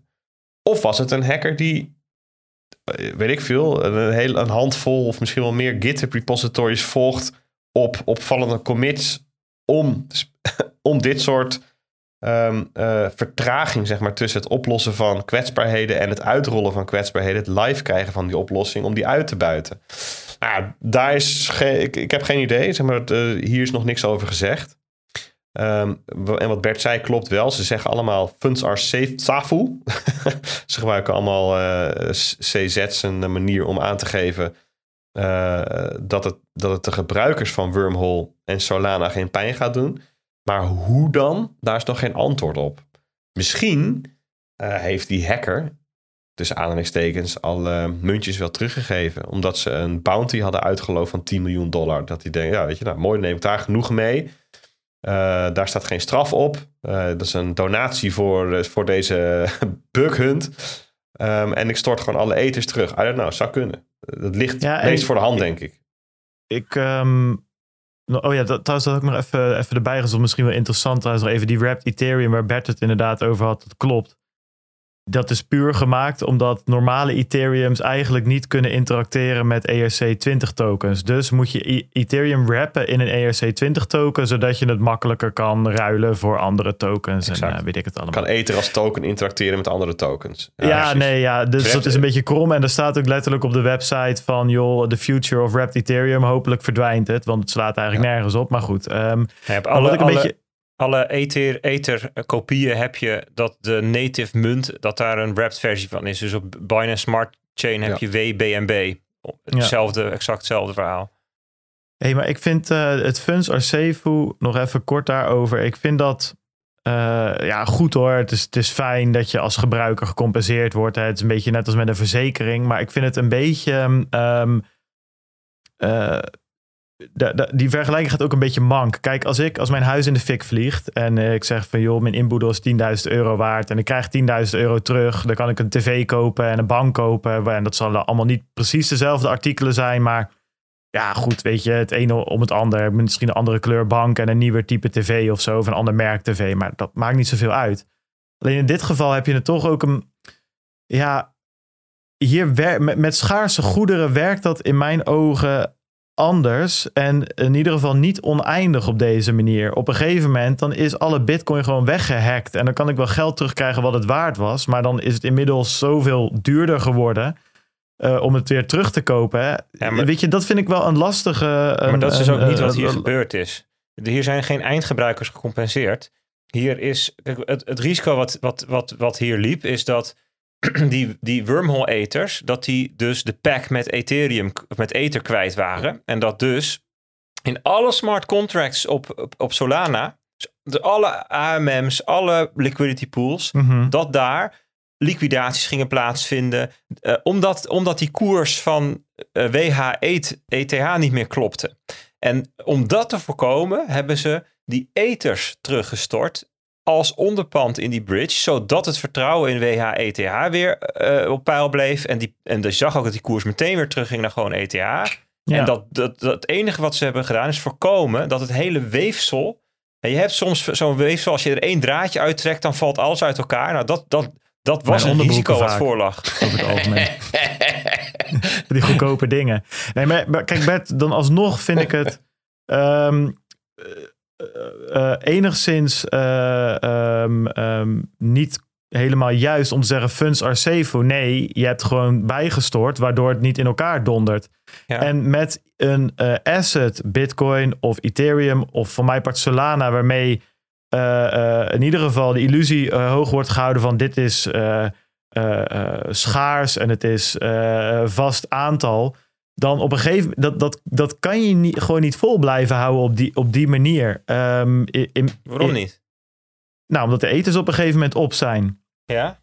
Je kan niet eters bij blijven storten. Op een gegeven moment Nee, hebben ha- hackers alle eters of alle 21 miljoen bitcoin. Dat kan De- toch? en die funds zijn, nee, maar die funds zijn gewoon weg. Die zijn gejat. Die zijn niet safe. een volstrekt hypothetisch geval dat alle 21 miljoen. Maar stel dat op een gegeven moment dat hackers de helft van alle bitcoin hebben. Ja, dan is dus de, de, de supply die nog over is 10,5. Dat is dan de rest. Dat is waar het nu over gaat. Dus er wordt de koers Ja, over. maar dan zijn de funds niet safe. Die zijn gewoon gejat. Die zijn weg. En dat jij Nee, maar daarna... dat eh, leg ik toch net uit. Funds is safe. Nou ja, dat, dat slaat helemaal niet op deze hack. Ik bedoel, het zal vast Nou ja, iemand zijn dat geroepen heeft. Maar ik zie dat Nou, ook niemand verder zeggen. Oké, nou ja, Peter zei net dat ze hetzelfde op de website schreven. Nee, dus maar- dat nam, nam ik dan even aan. Oké. Er was maar- één tweet waar het in kwam. Maar funds are safe is natuurlijk voor heel veel manieren uitlegbaar. Het wordt nu vooral gebruikt om, jongens, ehm, jullie als gebruiker gaan hier niets van voelen. Dat, Precies. dat is een soort van de connotatie eh, van die uitspraak nu. En het is inderdaad niet zo dat, eh, dat je het letterlijk moet nemen. Dat, dat de, de onderliggende funds of de dingen die gejat zijn, eh, dat die weer teruggehaald zijn of Nee, dat snap ik. En daarom vind ik het niet helemaal juist om, om die term te gebruiken. En ik snap dat in eerste instantie dat eh, CZ dat gebruikt. Maar ik zie hem nu bij elke hack komt het soort van terug. Ehm, nou goed, ik vind, nou ja, Ah, goed, ik vind eh, Bart, niet- niet eens, als je zegt van ik kijk letterlijk naar die term, dan klopt die niet. Maar Ja, ik snap daar ben ik al heel lang mee gestopt om er letterlijk naar te kijken. Omdat dit is een soort meme die altijd gebruikt Ja, wordt. nee, maar ik snap wel dat het een meme is. Daar gaat, daar gaat het ook niet om. Alleen er wordt tegenwoordig wordt er zoveel gehackt en wordt elke keer dat aangehaald dat ik op een gegeven moment vind dat het enigszins schadelijk is, omdat mensen het misschien wel op face value eh, aannemen. Maar goed, eh, misschien, ehm, ja, misschien zie ik dat verkeerd. Dat zou ik, ik, ik denk dat als gebruikers geraakt worden, dat je het niet moet zeggen. En dat als je in staat bent om te voorkomen dat gebruikers geraakt wordt, dat het een prima meme is om dat Hmm. aan te duiden. Kijk, bij de Cryptopia-hack bijvoorbeeld werd niet gezegd funds are safe. Ik bedoel, daar zijn gewoon... Ik bedoel, dat heeft Iedereen gewoon pijn gedaan. Ja. Quadriga, idem. Ja. Ik, ik, ik kom niet zo... Ik heb, ja, het zou kunnen. Hè. Ik ben, ben er niet zoveel situaties... Ben, ik ben zelf nog geen situatie tegengekomen waarin dit werd geroepen. Terwijl er allerlei gebruikers pijn leden, zeg maar, van, een, een, ehm, van zo'n soort gebeurtenis. Nee, maar dat was ook niet mijn punt. Zeg maar dat je verzekerd bent en geld krijgt, wil niet ze- zeggen dat de funds safe waren. En die twee dingen worden wel als hetzelfde gezien. Maar goed, ehm, nou, ja, ik vind dat ook, ik, dat is het punt ook waar ik op aansloeg. Bart. Ik vind ook een verschil dat als je je, je dollarwaarde terugkrijgt, dan vind ik ook niet dat je funds are safe moet zeggen. Maar als je daadwerkelijk de assets gewoon nog hebt die je had, dan vind ik het een eh, prima ja. term. Want eh, dan heb je gelijk. Als je, dat zeg ik ook een grote punt van het verzekeren. Hè. Is heel veel eh, crypto bewaarpartijen. Is de vraag, hebben jullie het verzekerd? Het punt is, je kunt eigenlijk niet een verzekering afsluiten waarbij je, als de bitcoin gejat wordt, de bitcoin terugkrijgt. Verzekeringen die, die dekken altijd in termen van euro's en dollars. En dat is een probleem. En Ja, maar daarom dat is het hele punt wat ik net maak, zeg maar. Je kan Ja. dat niet in bitcoin teruggeven, omdat het, ja... Nee, maar dat doen ze dus wel. In dit geval zijn er gewoon daadwerkelijk eters teruggegeven en mensen zijn niet in dollars gecompenseerd. Ja, nee, snap ik. Nou, ik denk dat je dat geintje eh, niet eeuwig kan volhouden. Nee, dat is Eh, duidelijk. Ik bedoel, Solana, de- die, die VC's die erachter zitten, als hun kas leeg is, dan kunnen ze niks meer compenseren. dat is klaar. Kijk, dat is ook, eh, vind ik het verschil met, met overheden. Die kunnen wel oneindig blijven printen. En als hier de, de, de, de, de, de kas leeg is, is het gewoon klaar met compenseren. Ja. Maar ga, gaan we het nog hebben over wat er nou precies gehackt is? Of, of tenminste hoe dat precies gegaan is? Of eh, laten we dat aan de lezer om dat uit te zoeken? Nou ja, ik, ik vond Pe- Peet's verhaal op zich wel een aardige... eh, of moeten we daar nog gedetailleerder eh Wat miste je erin? induiken? Oh, nou, wat de bug precies was. Oh, ja, wat de bug precies is, als ik het nog preciezer moet vertellen, dan gaat het inderdaad op, op het niveau van welk smart contract en welke functie de bug in zat. En op welke regel op GitHub. Maar dat weet ik niet uit mijn hoofd. dus, eh, de- Ja, ik, dus vond, ik, die ik weet denk op, op, zich, op zich voor nu is het verhaal van de, van de brugwachters... ehm, eh, Ja, ik vond, ik, ik, vond wel, ik, vond, ik, vond, ik vond hem namelijk wel vernuftig, omdat hij die eerst die 0.1 ETH die hij eerst deed, gebruikt heeft om deze hack te kunnen doen. Maar goed, dan, dan, mag, de, dan mag de lezer daar zelf eh, op Twitter eh, even morgen, morgen, morgen in. Alpha meer erover. Eh, dan zullen we alles even netjes, eh, netjes linken. Ehm, ik zit even te kijken. We hebben een paar, wel, wel een paar dingetjes. Peter, heb jij nog een, eh, een, eh, een voorkeur uit dit, eh, uit lijstje wat we hier zo hebben staan? Ehm, nou, we kunnen wel even. Dit, dit is echt een kort dingetje. Dus afgelopen week wat mij opviel was dat het best wel vaak ging over de legitimering van Bitcoin en crypto. Dus we hadden vorige week, of op de rand tussen de vorige podcast en afgelopen week, natuurlijk allerlei dingen over Rusland. Waarbij de centrale bank iets riep over een verbod en dat de overheid zei van, nou, liever niet. Eh, het ging dan over mining, maar ook over de handel en bezit. Ik las dat eh, deze week Botswana eh, ook voor legitimering heeft gekozen. Dus regels rond de handel heeft ingesteld. Ik las zelfs dat in China weer in, een aantal regio's mining is toegestaan. En dat er belasting op geheven wordt. Een soort asymmetrisch belastingstelsel waarbij de belasting voor eh, gebruikers van energie voor het minen van cryptovaluta wat hoger tarief voor hun kiezen krijgen. Ja, je, je kunt alleen belasten als het mag. Als je, dus dat is, dat is weer iets anders dan dat er een totaalverbod eh, rust op mining in China. Nou, ik, ik zie allerlei senatoren in, in Amerika weglopen met crypto's en bitcoin. Eh, en het Arizona zegt, joh, ik wil het graag... Of tenminste, was een wetsvoorstel, geloof ik, eh, eh, in de staat Arizona rond bitcoin... om bitcoin een positie te geven als legal tender. Ehm, de, de- een senator in spe die, die zegt, joh, dat, dat gaan we ook doen in Texas, als ik gekozen word. Nou, dan voel je al een beetje aan je water, oké, dit is ook wel redelijk populistisch. Ehm, in Canada werd er een speech gegeven in de House of Commons Finance Committee, ook eh, eh, met eh, als pleidooi om bitcoin op te waarderen tot wettig betaalmiddel in Canada. Ehm, dat heeft natuurlijk dit zit heel ver af van dat dat daar ook zou gaan gebeuren. Maar het is wel hetzelfde soort geluid. En natuurlijk, waar om wat voor reden dan ook Nederlandse media bovenop sprongen. Ehm, India. En dus die heeft heel lang tegen een, daar is heel lang tegen een verbod aangeschuurd, totaalverbod. Maar er komt nu gewoon regulering en belastingen en zo. Eh, en, en expliciete uitspraken als nee, het bezit en aankoop van bitcoin, dat mag gewoon, weet je, heel, een soort omslag. Nou, en dat is dan- crypto-roepie eh, erbij. dat, dat is precies eh, waar ik naartoe. Ja, Dat is dan een mooie bridge naar, naar de aankondiging van de crypto-roepie. Wat ik ook weer, kijk, als, als we het echt hebben over geannexeerde, lelijke, stomme termen, vind ik het wel de crypto-roepie of de crypto-euro of de crypto-dollar.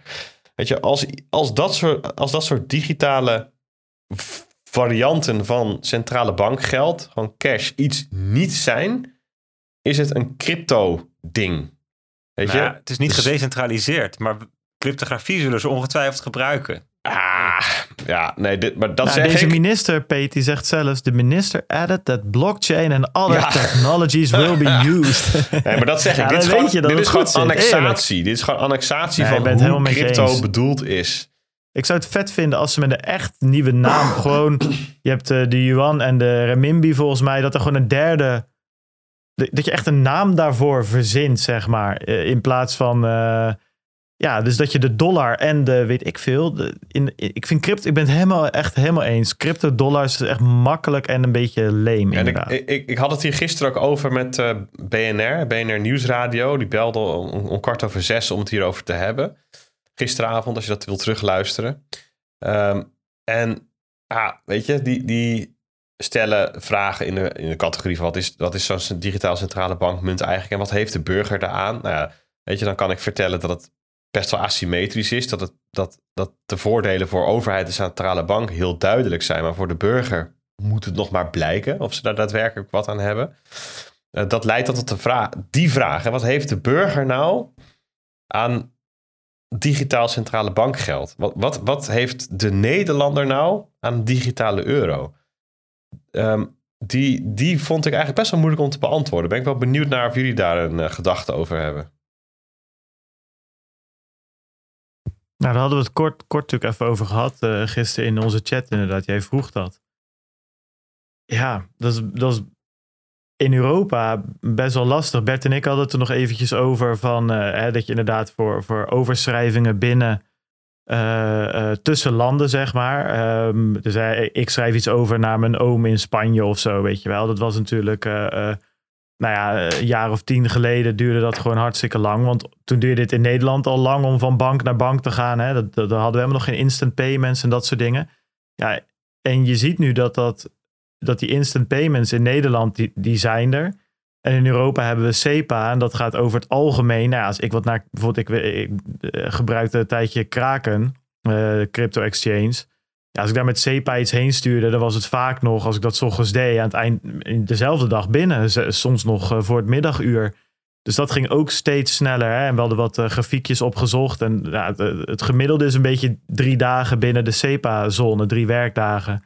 Um, en daar zie je dus ook wel een hele duidelijke trend naar, naar beneden wat dat betreft. Ja. Uh, dus ik ben wel heel benieuwd hoe snel zo'n central bank digital currency er in Europa is. En of die banken ze dan niet uh, inmiddels gewoon naar instant payments zijn gegaan uh, in heel Europa. En dan is de vraag wat je aan zo'n central bank digital currency in Europa hebt. Ja, goed, uh, in de landen waar jij het over hebt, ja, daar kan ik me voorstellen dat als er één centraal betaalsysteem is waar iedereen wat mee kan.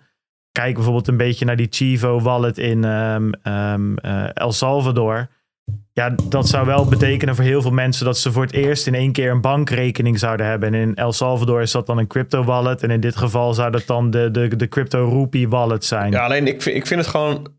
Blijf een, een lastig verhaal vinden. Want we hebben 89% van de, van de Indisch, Indiaanse economie is cash gebaseerd.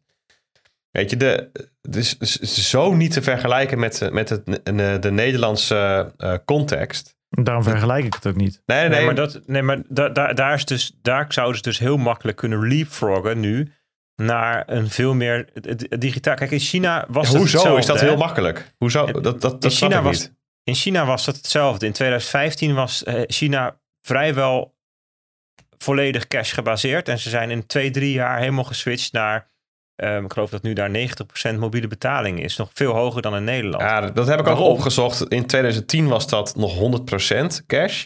En in 2020 was het 45% cash in China. Ja, maar, dat, maar dat, heb jij een andere bron? Want, want het, het, boek wat door die gast geschreven is, die die CBDC daar helemaal beschreven heeft, die laat cijfers zien die in ieder geval in de steden, ik geloof toen op 50 Ja, maar dat betekent het beeld zo ontzettend. In steden is dat anders. Ja, dat is in India ja, ook. Maar het grootste deel van de economie zit buiten die steden. Ja, en in China dus niet. Maar nee. het punt is, het, het, die, die, ja, goed. Zal ik even, ja. Het punt is, um, India heeft de afgelopen jaren een enorme slag gemaakt in digitalisering. Dus ze, ze hebben daar fysieke paspoorten afgeschaft hè, of eh, omgeruild voor een, voor een ID-kaart in een app. To overheidsdiensten heb je toegang via een app. Het, het, het, het, traditionele financiële stelsel is op een of andere manier ook via API's daaraan gekoppeld. En ik kan me voorstellen dat daarin dit een hele logische volgende stap is. Um, waarmee zij dus in één keer een heel groot gedeelte van de bevolking die al wel digitale overheidsdiensten gebruikt, maar nog geen digitaal geld heeft, ook in het digitale geld kunnen onboorden. Dat is namelijk de manier die China ook heeft gekozen. Iedereen gebruikte al Ali en WeChat en weet ik veel, al dat soort dingen. En daar ging geld bij. En dan krijg je een hele snelle transitie. Omdat, omdat mensen al eh, eh, die, die andere diensten gebruiken. Dus die, die, die kan ik me wel voorstellen. Dat, kijk, Ja, maar ik, zullen ik, ongetwijfeld niet naar 100% gaan, maar ja, een flinke ik, sprong. vind het, ik vind het moeilijk om nou te zeggen, is dat, een, is dat correlatie of causaliteit?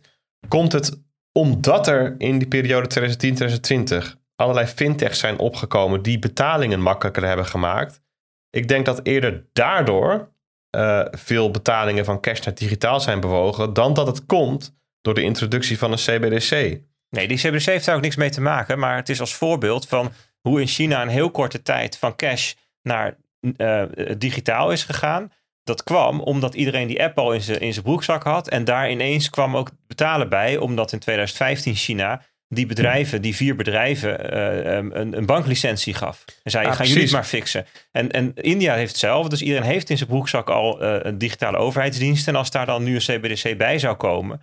eh, dan zou, zouden mensen in één keer digitaal kunnen gaan geld betalen en ontvangen. Nou, behalve dat daar ook, want dat is elke keer met die implementatie van de CBDC, dat ze daar dus de commerciële banken niet voor de voeten willen lopen. En eigenlijk aangeven, ja, de toegankelijkheid van zo'n munt verloopt via de commerciële banken. Ja, dus het is. Dat, dat hebben ze overigens in China niet gedaan. Dus als ze dat in India wel gaan doen... Nee, dan maar daar gebruiken ze dan de, de, de fintechs voor hetzelfde. Hè? Dus er is niet een directe toegang tot, die, eh, tot zo'n digitale overheidsmunt. Het verloopt alsnog via tussenpersonen. Ja? Ja, en dan hou je gewoon in India. Ja, er zijn nu ook eh 500 miljoen mensen in India met een bankrekening en een app, waarvan de helft gewoon helemaal niet gebruikt. Er zijn er meer. 1,1 miljard mensen met een bankrekening. En eh, iets van 500 miljoen worden niet gebruikt. Ze zijn inactief, omdat de economie cash gebaseerd is. Maar ik zie, ik zie vo- vooral voor een overheid veel voordelen van de introductie van een CBDC. Ik zie er eigenlijk heel weinig voor een burger. Die, En dan zou de vraag toch zijn, Peter, daar ben ik wel heel benieuwd naar. Want je ik vind wel, ja, ik vind het wel interessant. Van blijkbaar, de, blijkbaar zijn de, de ingrediënten, die, die, zijn er. Eh, eh, internet, eh, mo- mobiele, hoe noem je dat? Mo- mobiel netwerk, telefoons. nou, ze zijn nog allemaal banked ook. Dus ze hebben zelfs nog een, een, een, een commerciële bankrekening. Ja, waarom, eh, waar- waarom slaagt Tikkie hier dan bijvoorbeeld wel, om het maar eens wat te noemen? eh, en, het, en het elkaar geld sturen en het pinnen en NFC-betalingen en, en, en, en daar dan niet. Hè? Daar ben ik wel eigenlijk wel heel benieuwd naar. Ja, omdat als, als, als we in Nederland, ja, als Nederland honderd keer zo groot was geweest en er waren honderd keer meer dorpen waar de interacties nog vooral net zoals in El Salvador op de markt zijn, waar je vluchtig even wat met cash doet. Ja, ja. Ik, ik weet niet, ik bedoel, het, het, de komst van een CBDC en het verdwijnen van cash daar, dat heeft dan vooral volgens mij eh, als invloed dat, dat de burger wat aan soevereiniteit en aan zelfbeschikking inlevert. Ja. En niet per se er nou veel beter van wordt of zo. eh, Per saldo. Bedoel, de vraag is, is of het eh, transacties en interacties eh, mogelijk maakt die nu niet mogelijk zijn.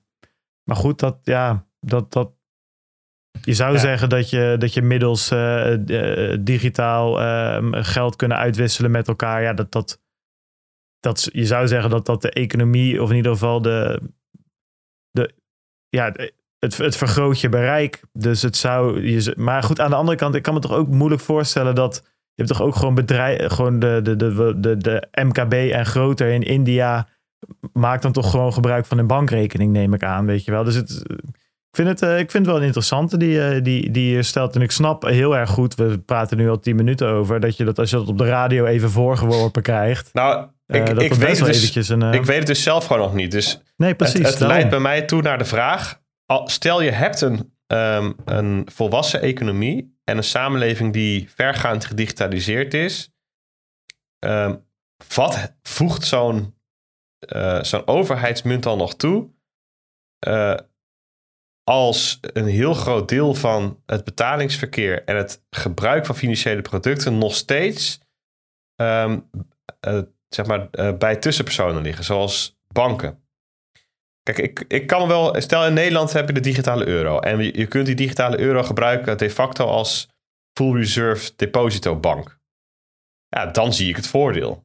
Weet je, je kunt dan gewoon een ton of twee, of weet ik veel niet. Ik bedoel, ik heb die niet. Maar stel je hebt een half miljoen, kunnen gewoon, nou prima, ik zet het even in mijn digitale euro, is risicovrij.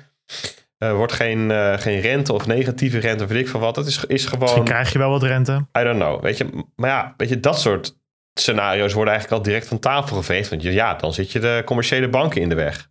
Ja, maar dat is wel hoe het gaat worden. En daarom gaan ze er ook een cap op doen in eerste instantie van eh 5000 euro. En die moet dan langzaam verhoogd worden, zodat banken hun businessmodellen kunnen aanpassen. Dat zijn de scenario's zoals de ECB die beschreven heeft in een, in een verkenning. En DNB trouwens ook. Want het, ze noemen dat dan ook wel een veilige rekening. En dat is een beetje hun werktitel. Ja, natuurlijk gaan de commerciële banken die in hun apps, dus het gaat puur om distributiekanalen. Maar het is daadwerkelijk los van de, van de eh, commerciële bank. Het staat niet op hun balans. Eh, dus, dus de reden dat, ze niet om, dat je niet onbeperkt digitale euro straks mag in eerste instantie, is om te voorkomen dat iedereen linea recta als eh, girale euro's overboekt naar die, eh, naar die eh, CBDC's. Ja, ja, en het is Om natuurlijk dit te ergens voorkomen. ook, het is natuurlijk ergens ook een beetje flauw eh, van centrale banken. Want het spaargeld dat eh, commerciële banken aanhouden voor jou, daar moeten ze eh, een, een half procent eh, negatieve rente overnight op betalen. Maar als de klant, het is natuurlijk een oneerlijke concurrentiepositie eigenlijk tegenover dus de- commerciële banken. Dus hier, de gesprekken hierover zijn ook nog niet, zeg maar, de conclusie is nog niet getrokken. Daarom is in Europa is dit ook gewoon echt wel een vraagstuk. Ook vanwege die negatieve rente. En in andere landen, ik bedoel India, die, die is van plan om het in een jaar te fixen. Gaan ze in het komend belastingjaar willen ze het. Eh, Nou, genoeg developers daar, dus wat dat betreft. eh, Dus is blijkbaar is het Code voor away. hun, voor, voor hun Maar- makkelijker om dit te doen. Dan denk ik weer van ja, als, als centrale banken dit zouden aanbieden, dan kunnen commerciële banken het ook aanbieden. Ik bedoel, Wat aanbieden.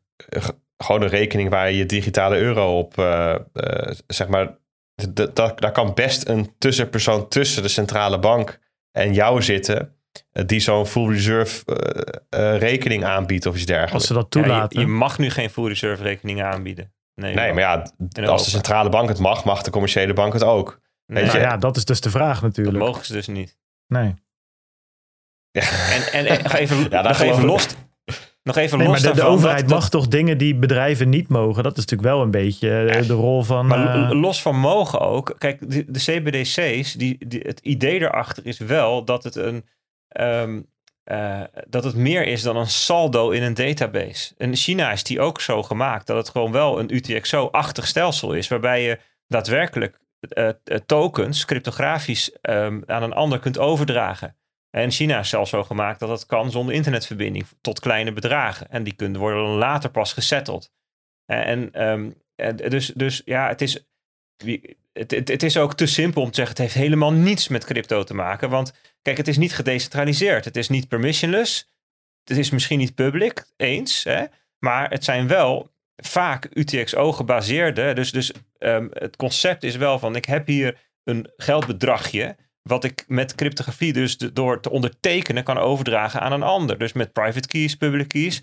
En dat is gewoon wel anders dan giraal geld, wat gewoon schuld is van de bank aan jou of vordering van jou op de bank. Dat, dat, oh, zelfs al zou een bank full reserve gaan doen, dan moet je nog maar hopen dat ze niet omvallen. Of dat ze niet gelogen hebben tegen je. Of dat er niet een of ander risico genomen is die op een ander stuk van de bank wat besmet naar, naar, naar dat stuk van full reserve. Ja, maar dit gaat, over, bent. dit gaat over vertrouwen. Weet je, ik, ik vraag me af eh, waar de gemiddelde burger meer vertrouwen in heeft. In hun bank of in, een, in de overheid. Eh, en ik snap wel dat het aan de kant van de centrale bank niet gaat over het vertrouwen in of het geld blijft bestaan, want die, die gaat niet failliet kunnen. Maar er komt wel weer een hele laag van vertrouwen bovenop. Namelijk, wat doet zo'n centrale bank met de gegevens die ze, die ze verkrijgen door het bestaan van zo'n digitale euro? Nou, eerlijk gezegd, ik had liever gezien dat er gewoon weer depositobanken zouden komen. Ehm, waar je veilig je geld kan neerzetten. Met als risico dat zo'n depositobank om kan vallen. Maar daar heb ik dan vertrouwen in. Dat het niet, dat, dat, ja, dat, het, dat dat risico erg klein is. Omdat namelijk het hele bestaan van die bank. Dat gaat over het bewaren van al het geld dat, dat ze gestort krijgen. Eh, dan dat er zo'n digitale euro wordt in het, le- eh, zeg maar, in het leven geroepen Ja, wordt. Maar dan zit, dan zit jouw angst zit bij het surveillance stuk, Ja, denk ik. nou, ehm, Want in principe is daaronder zit nog dat ik het vervelend vind dat de inrichting van onze digitale wereld maar blijft bewegen in de richting van centralisatie. Centrale partijen die administraties bijhouden. Terwijl ik veel liever heb dat, dat de dit andere dus kant niet, op beweegt. Dus digitale euro of CBDC is niet dat de centrale partij administratie bijhoudt. Want je hebt gewoon je digitale bezitting. Alleen zij kunnen wel dat zeg maar beïnvloeden of, of veranderen of volgen. Dat is het verschil. Ah, oké. Ik bedoel, Oké, he- heb je er gelijk in. Dit is, dit is ehm, de- je, je trekt het even feitelijk, trek je het recht. Maar voor mij is het effect hetzelfde. Ja, dus, dus ik, ben, ik ben het er dus mee eens hè, dat, dat, dat het grote risico van CBDC is dat de centrale partij alles kan volgen wat je doet en achteraf de regels van het spel kan aanpassen. En, en dat is wat bij Bitcoin eh, eh, niet kan. Niet iedereen kan zomaar volgen wat jij doet en de regels liggen vast in de broncode. En die kan niemand in zijn eentje zomaar aanpassen. Daar zit het verschil. Maar ehm, dus als je een goedaardige overheid hebt, goedaardige centrale bank, hè, centrale bank Het is gewoon een dino. dan, dan eh, nee, maar het is ook niet de, decent- decentralized Ja, in name. Dus het is een.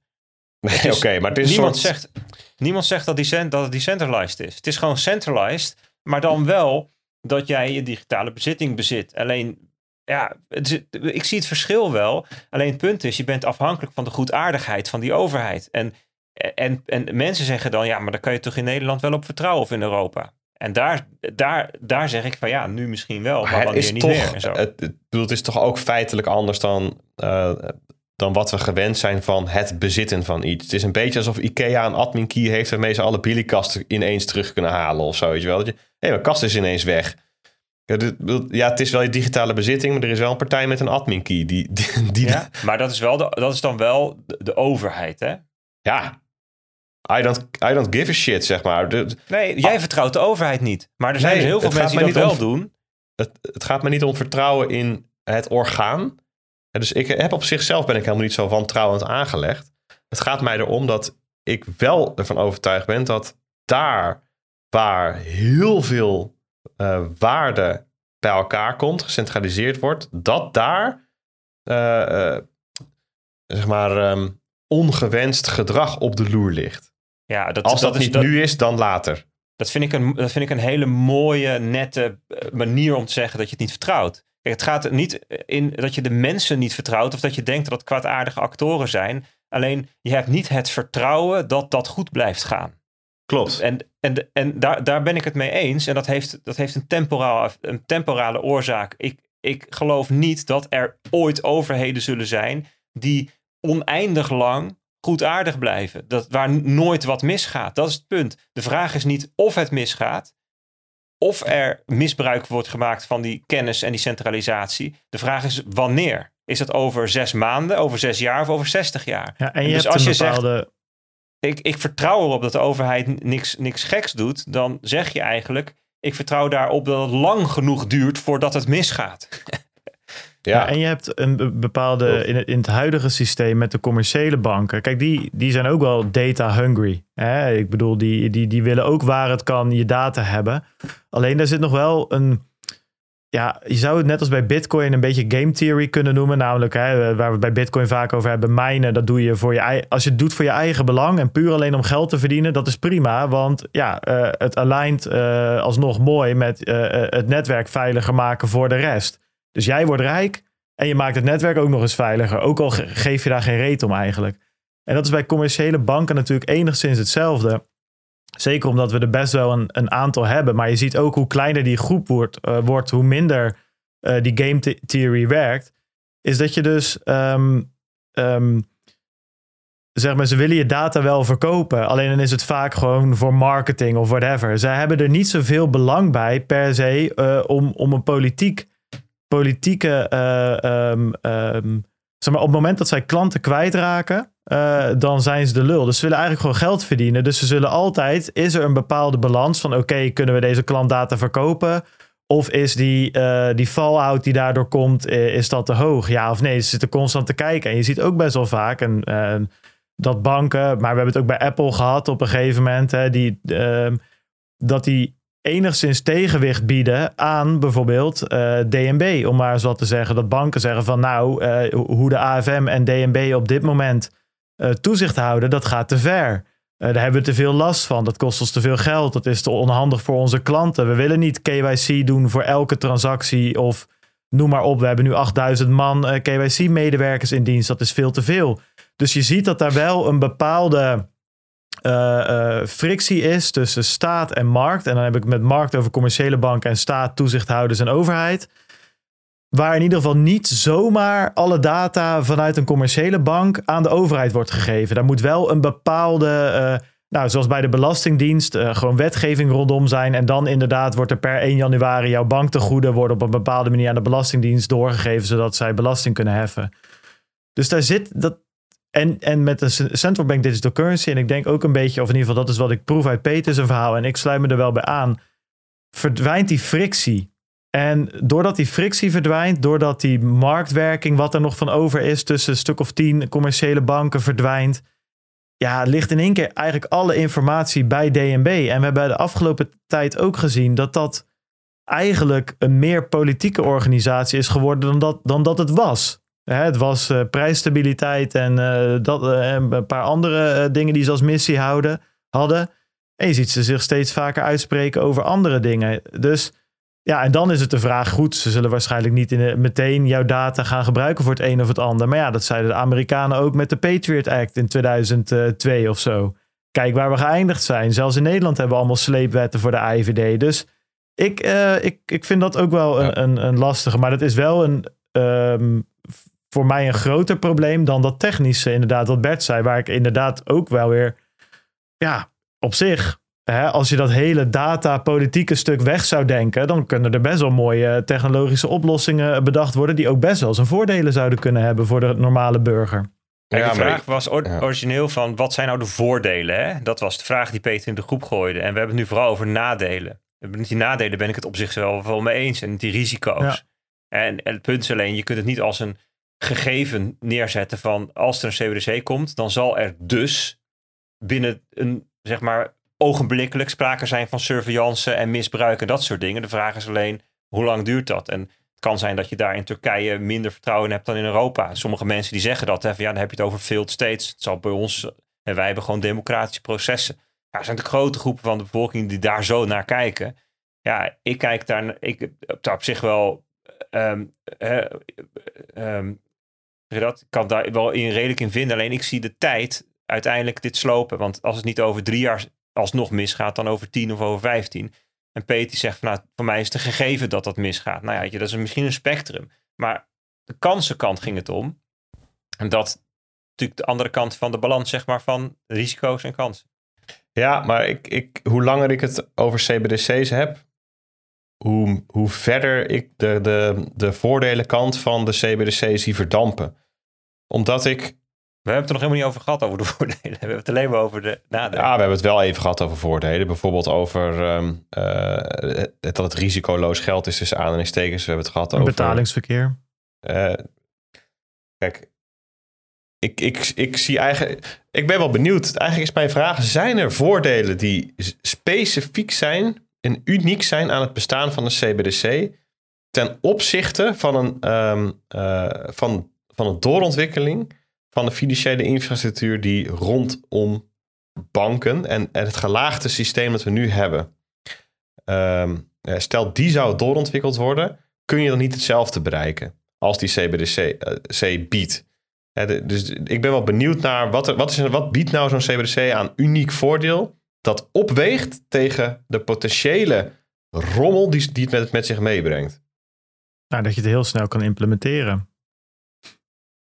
Zeg maar, waar we, nou ja, waar we, eh, waar we mee begonnen. Hè? Ehm, zeg maar, ik denk dat in Europa zijn we, zijn we al zo ver met het doorontwikkelen van SEPA en Target 2 en weet ik het allemaal voor settlement systemen. Dat, weet je, daar zijn de banden al gelegd tussen al die banken, middels allemaal netwerken die ze hebben. En daar zie ik instant payments door heel Europa eerder gebeuren dan een CBDC. Aan de andere kant, voor uh, landen waar die uh, banken nog niet ver genoeg, die, commerciële banken nog niet ver genoeg gedigitaliseerd zijn, waar die, uh, verband, eh, die, die netwerken nog gelegd moeten worden, waar dat soort digitale instant settlement layers nog gemaakt moeten worden, kan ik me voorstellen dat als je dat vanuit een centrale bank doet met één systeem, uh, met één betaal-app, met één wallet-app, die iedereen gewoon direct kan downloaden, dan denk ik dat je dat sneller kan implementeren dan dat je dat door, de, door in dat geval door de markt laat doen. Of het dan beter is eh, en, en of die nadelen de voordelen waard zijn. Nou, dat denk ik niet. Ik vind die nadelen die we net besproken hebben best wel heel erg zwaar wegen. Ik kan me voorstellen eh, dat het sneller te implementeren is en dat mensen dan, nou ja, zoals nu in China, bijvoorbeeld uh, makkelijk uh, digitale betalingen naar elkaar uh, kunnen doen. Al hadden ze in China dat natuurlijk al gefixt met Alipay en die andere dingen daarvoor. Ja, precies. Ja, China biedt het meer privacy dan wat Alipay en dergelijke doet. Maar we hadden het even over Europa. Kijk, ik ben wat dat betreft wel optimistischer dan, dan, dan jullie ook over wat het biedt technisch, qua gebruiksgemak, qua um, in potentie zelfs privacy. Ook voor Europa wordt nu in het ontwerp gesproken over verschillende categorieën en dat betalingen van uh, tot een bepaalde risicoclassificatie daadwerkelijk private zijn. Um, hè, dus bepaalde omvang of iets dergelijks. Um, en dat kan ook daadwerkelijk gewoon zo geprogrammeerd worden. Dat die data uh, gewoon niet toegankelijk is of er niet is. En daar liggen dus keuzes aan ten grondslag die nog gemaakt moeten worden. En dat, dat, dat, dat proces gaat nog 4,5 jaar duren volgens, volgens de originele planning. Volgens de planning van uh, inclusief uitloop duurt het misschien veel langer, wie zal het zeggen. De vraag is of uh, zeg maar, kijk ja, een beetje de hypothese van Balaji vind ik, ben ik het wel mee eens, dat de overheden van westerse landen gegroeid zijn tot een incompetentieniveau dat ze eigenlijk niks meer voor elkaar krijgen. In China bouwen ze een tien dagen ziekenhuis. Hier zijn we tien jaar vergunning aan het aanvragen. Um, dus de kans is dat die CBDC er gewoon nooit gaat komen, omdat het verzandt in een moeras van incompetentie kan. Maar stel dat die er komt over vijf jaar, ja, dan hebben we dus een periode van vijf jaar om met elkaar in een democratisch proces tot een soort van ontwerp te komen waar we van zeggen van nou, dit, dit, dit, is een goede balans tussen privacy bewaken van de gebruikers, uh, uh, veiligheid, hè, dus het ontbreken van tegenpartijrisico, um, uh, garanties. Hè, dus kijk, een overheid heeft ook als doel om een betrouwbare speler te zijn. Hè, dus ondernemers vinden het bijvoorbeeld vreselijk als de, als de overheid het ene jaar de, de, de regels verandert, het andere jaar weer terug verandert, weet je, dat soort dingen. Um, en, en wat Bart zegt, snelheid van implementatie. Ik denk dat banken heel blij zijn dat ze 50 jaar oude archaïsche systemen kunnen inruilen voor iets wat gewoon echt digitaal is. En dat het voor hun de kosten omlaag brengt, efficiënter maakt enzovoort. Nou, ik, ik, ik, ik, ik kan best een utopisch scenario bedenken. Hè, waarbij de voordelen echt wel opwegen tegen de nadelen. En, maar, maar zelfs in dat... is wel lastig met een uh, uh, instituut als um, uh, de ECB. Wat zei je, Bart? Sorry. Nou, dat, dat het stukje samen ontwerpen en samen tot iets komen, wat dan al die ja. dingen, dat vind ik lastig met dat een, een niet lastig. gekozen orgaan als, de, als ECB. En, en ook wat we een beetje, hè, we hebben dat, Peter haalt dat voorbeeld wel eens aan van, um, van het nieuwe geld, dat Rijn-Jan Prakke uh, als enige journalist en eigenlijk als enige politici bij het jaarlijkse gesprek over geld was. Hè, tussen, wat was dat met het ministerie ja. van Financiën? Dat ik denk van, ja, maar hoe, hoe samen doen we dat? Als, we, als er nu al nul interesse is in het geld, vind, vind, vind ik het lastig. Maar inderdaad, ja. we, waren, we waren een utopisch scenario aan, aan het bespreken. Dus ik, nee, maar goed, ik kan, ik, ik kan ik daar inderdaad heel, heel moeilijk mee in meekomen in zo'n utopisch scenario. Maar ik, ik, ik blijf maar denken van, ja, bijna alles wat ik hoor, dat kun je ook bereiken met, met innovaties bij banken. Maar daar geloof ik dus niks van. Nee, bij banken hebben ze echt een 50 jaar oud systeem met me- bedoel, banken. Dat, dat is als, zeg maar, alsof, alsof Gmail elk mailtje wat je stuurt uitprint, in een postkoets doet, naar de andere kant van de wereld stuurt, daar weer inscant nee, op scherm. Dat is wat banken dan, nu doen. Dan maak je daar een, een, uh, dan maak je daar een karikatuur van. Want hoe betalingen, hoe betalingen in Nederland nu gaan, dat, dat is, is, ik vind dat heel gebruiksvriendelijk hoor. Je ja, kunt aan de voorkant wel, maar aan de achterkant niet. Kijk, het ding, en dat, is, dat, dat klopt wel wat, wat, uh, wat Bert zegt. Als je op dit moment geld wil verdienen als programmeur, dan moet je geen uh, Python of Java of C leren. leren. Dan moet je COBOL leren. Want al, al, die, al die mensen die die systemen bij die banken deden, zijn of dood of met pensioen. En willen echt, zeggen nu echt van, nou, ik heb nu zeven jaar extra doorgewerkt. Met 75 ga ik echt met pensioen. Serieus, dat zijn verhalen die, die, er, die echt, die echt waar zijn. En die, ja. die, die houden die mainframes in, in de lucht. Dus op zich een systeem wat, nee, wat daarbij zou kunnen helpen, zou, zou best wel wenselijk zijn voor die, uh, voor die banken. Die instant payments, hè, dat zijn ook gewoon losstaande netwerken waar banken zich bij aansluiten. Er zijn er in Nederland alleen al drie in gebruik. Daarom kan je van Bunk niet naar Rabobank instant overmaken, maar wel naar ABN AMRO. Die zijn namelijk toevallig bij hetzelfde netwerk aangesloten. Dus banken moeten zich bij meerdere netwerken aansluiten. Ja, in Nederland gaat het aardig. De rest van Europa zijn weer andere netwerken. Dus dit is ook gewoon weer. Maar dat kan ook gewoon uit de markt komen, gewoon- dit soort dingen. Ik bedoel, de, bij, eh, welk was het nou? nou? Een grote Amerikaanse bank die ook zelf bezig was met dit soort infrastructuur. Daar weet ik hoeveel banken al op aangesloten had. Een Ripple die je zou kunnen gebruiken eh, voor internationale eh Tuurlijk, er zijn eh, ook banken die zeggen: joh, wij gaan, wij gaan stablecoins gebruiken, want dat is veel handiger dan. Je eh, hebt hier helemaal geen overheid voor nodig voor dit soort innovaties. Maar Nou ja, Terwijl, terwijl je daar wel, je, je, je, door dit te doen, eh, stel je jezelf ook bloot aan, aan de grillen rondom het beheer van zo'n uniform netwerk waar iedereen op aangesloten is. En waar eh, er is helemaal geen arbitrage meer mogelijk op het gebied van hoe je betaalt en eh, hoeveel privacy je hebt. Je, je levert jezelf helemaal over aan dat ene ding. Ja, maar nu komen er weer een beetje voordelen en nadelen door elkaar. Het ging SEC even erom dat op zich, in de, ik ben het met je eens dat de markt best wel een hoop doet. Want we hebben wel instant payments inmiddels en we hebben wel NFC-betalingen en Apple Pay en het werkt allemaal op zich. Alleen aan de achterkant laat de markt ook zien dat het nog best wel lastig is om met z'n allen tot iets te komen wat geen mainframes meer gebruikt en allemaal andere legacy troep heeft. En puur daar, dat stukje, qua implementatie zou één centraal systeem, mits goed ontworpen door de overheid, nou dat ben ik met je eens, dat is lastig, zou best wel eh, eh, daar, dat, dat zou een voordeel kunnen zijn. Dat het daarna een, een, een, een berg aan privacy eh, schendende dingen met zich meesleept, dat ben ik ook met je eens. Maar dat zijn wel twee verschillende dingen Kijk. die niet per se, het, het, ja, Het, het- ze begonnen met die CBDC's toen Libra die push gaf. Hè. Toen kwam het onderwerp echt groots op de radar. Daarvoor waren ze wel aan het experimenteren. China is al 2016 begonnen enzovoort. Maar waarom? Omdat men... Ik bedoel, waarom gaven ze die banklicentie aan techbedrijven in China? Omdat de traditionele bankensector daar de shit gewoon niet van de grond kreeg. Dus als de markt met iets beter komt, gaat niemand die CBDC's gebruiken. Zo is het natuurlijk ook, hè. Alleen, het zou maar zo eens kunnen zijn dat de markt helemaal niet met iets beters komt. Ja, in Nederland misschien redelijk. Maar ja we vind ik hebben het over Europa. Ehm, En ehm, als Ja, de markt met iets komt, dan. Nee, maar het is toch ook wel. Ik bedoel, eh, als de overheid het verplicht, ja, dan kan de markt met iets komen. Maar ja, moet ik het wel gaan nee, maar de gebruiken? overheid gaat het niet verplichten. De overheid gaat niet verplichten. Sterker nog, de overheid gaat limiteren omdat ze bang zijn dat de financiële sector in elkaar dondert. Kijk, het punt is ook, ja, een van de argumenten die ze gebruiken voor die CBDC's, dat is omdat ze bang zijn voor het systeemrisico van de financiële sectors. Kijk, verwijzen ze terug naar de financiële crisis 2009. Zeggen ze ja, er is nog, er is nog steeds systeemrisico, er zijn nog steeds systeembanken. Als die omvallen dan. En we willen niet dat nu het contante geld langzamerhand steeds kleinere rol gaat spelen. Dat we maar één optie hebben, namelijk het girale geldsysteem. En dat als dat straks op een of andere manier in elkaar dondert, dat er geen alternatief is. Dat is de argumentatie van waarom ze bezig zijn met die CBDC's. Dat Sure, we te veel afhankelijk zijn geworden van de bankensector. Maar het verplichten kan dan toch nog steeds. Of ze nou meteen doen of niet. De euro's zijn ook verplicht. Ik moet mijn belasting betalen in euro's. Dus dat is toch het hele idee achter geld. Dat het ver- van Ja, fiat maar- geld, dat het verplicht is door de overheid. Tuurlijk zou dat kunnen, maar dan zit je weer aan de, aan de kant van de, van de dystopische scenario's. Dat een, dat, een, dat een centrale bank zegt: je mag geen giraal geld meer gebruiken, je mag geen banksysteem meer gebruiken, alles moet via de CBDC. Dat ligt nu niet in de reden. Dat Nee. is niet wat nu.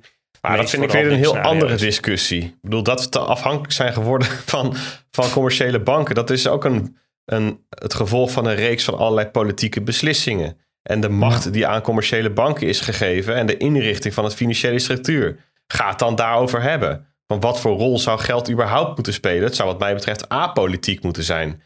Dit zou een middel moeten zijn die neutraal is. En dat je daar vervolgens fiscaal beleid overheen plakt. Omdat je dingen wil herverdelen of Ja. wat dan ook. Prima. Nee, maar daar, daar ben ik het helemaal mee eens, Peet. Maar kijk, waar ik moeite mee heb, is dat je zegt: laten we de Steelman case maken voor CBDC's. Laten we kijken wat ze voor voordelen bieden. En na anderhalve zin breek je in en zeg ja, maar ik denk dat het misgaat. Nee, tuurlijk, ik denk dat ook. Ik denk ook dat het misgaat. En ik ben ook heel sceptisch over CBDC's. Maar je maakt geen Steelman. Je begint de Steelman en daarna fakkel je het meteen af. Ja, dat, bedoel, dat kunnen we ook doen. Is leuk. Ben ik het ook mee eens, hè?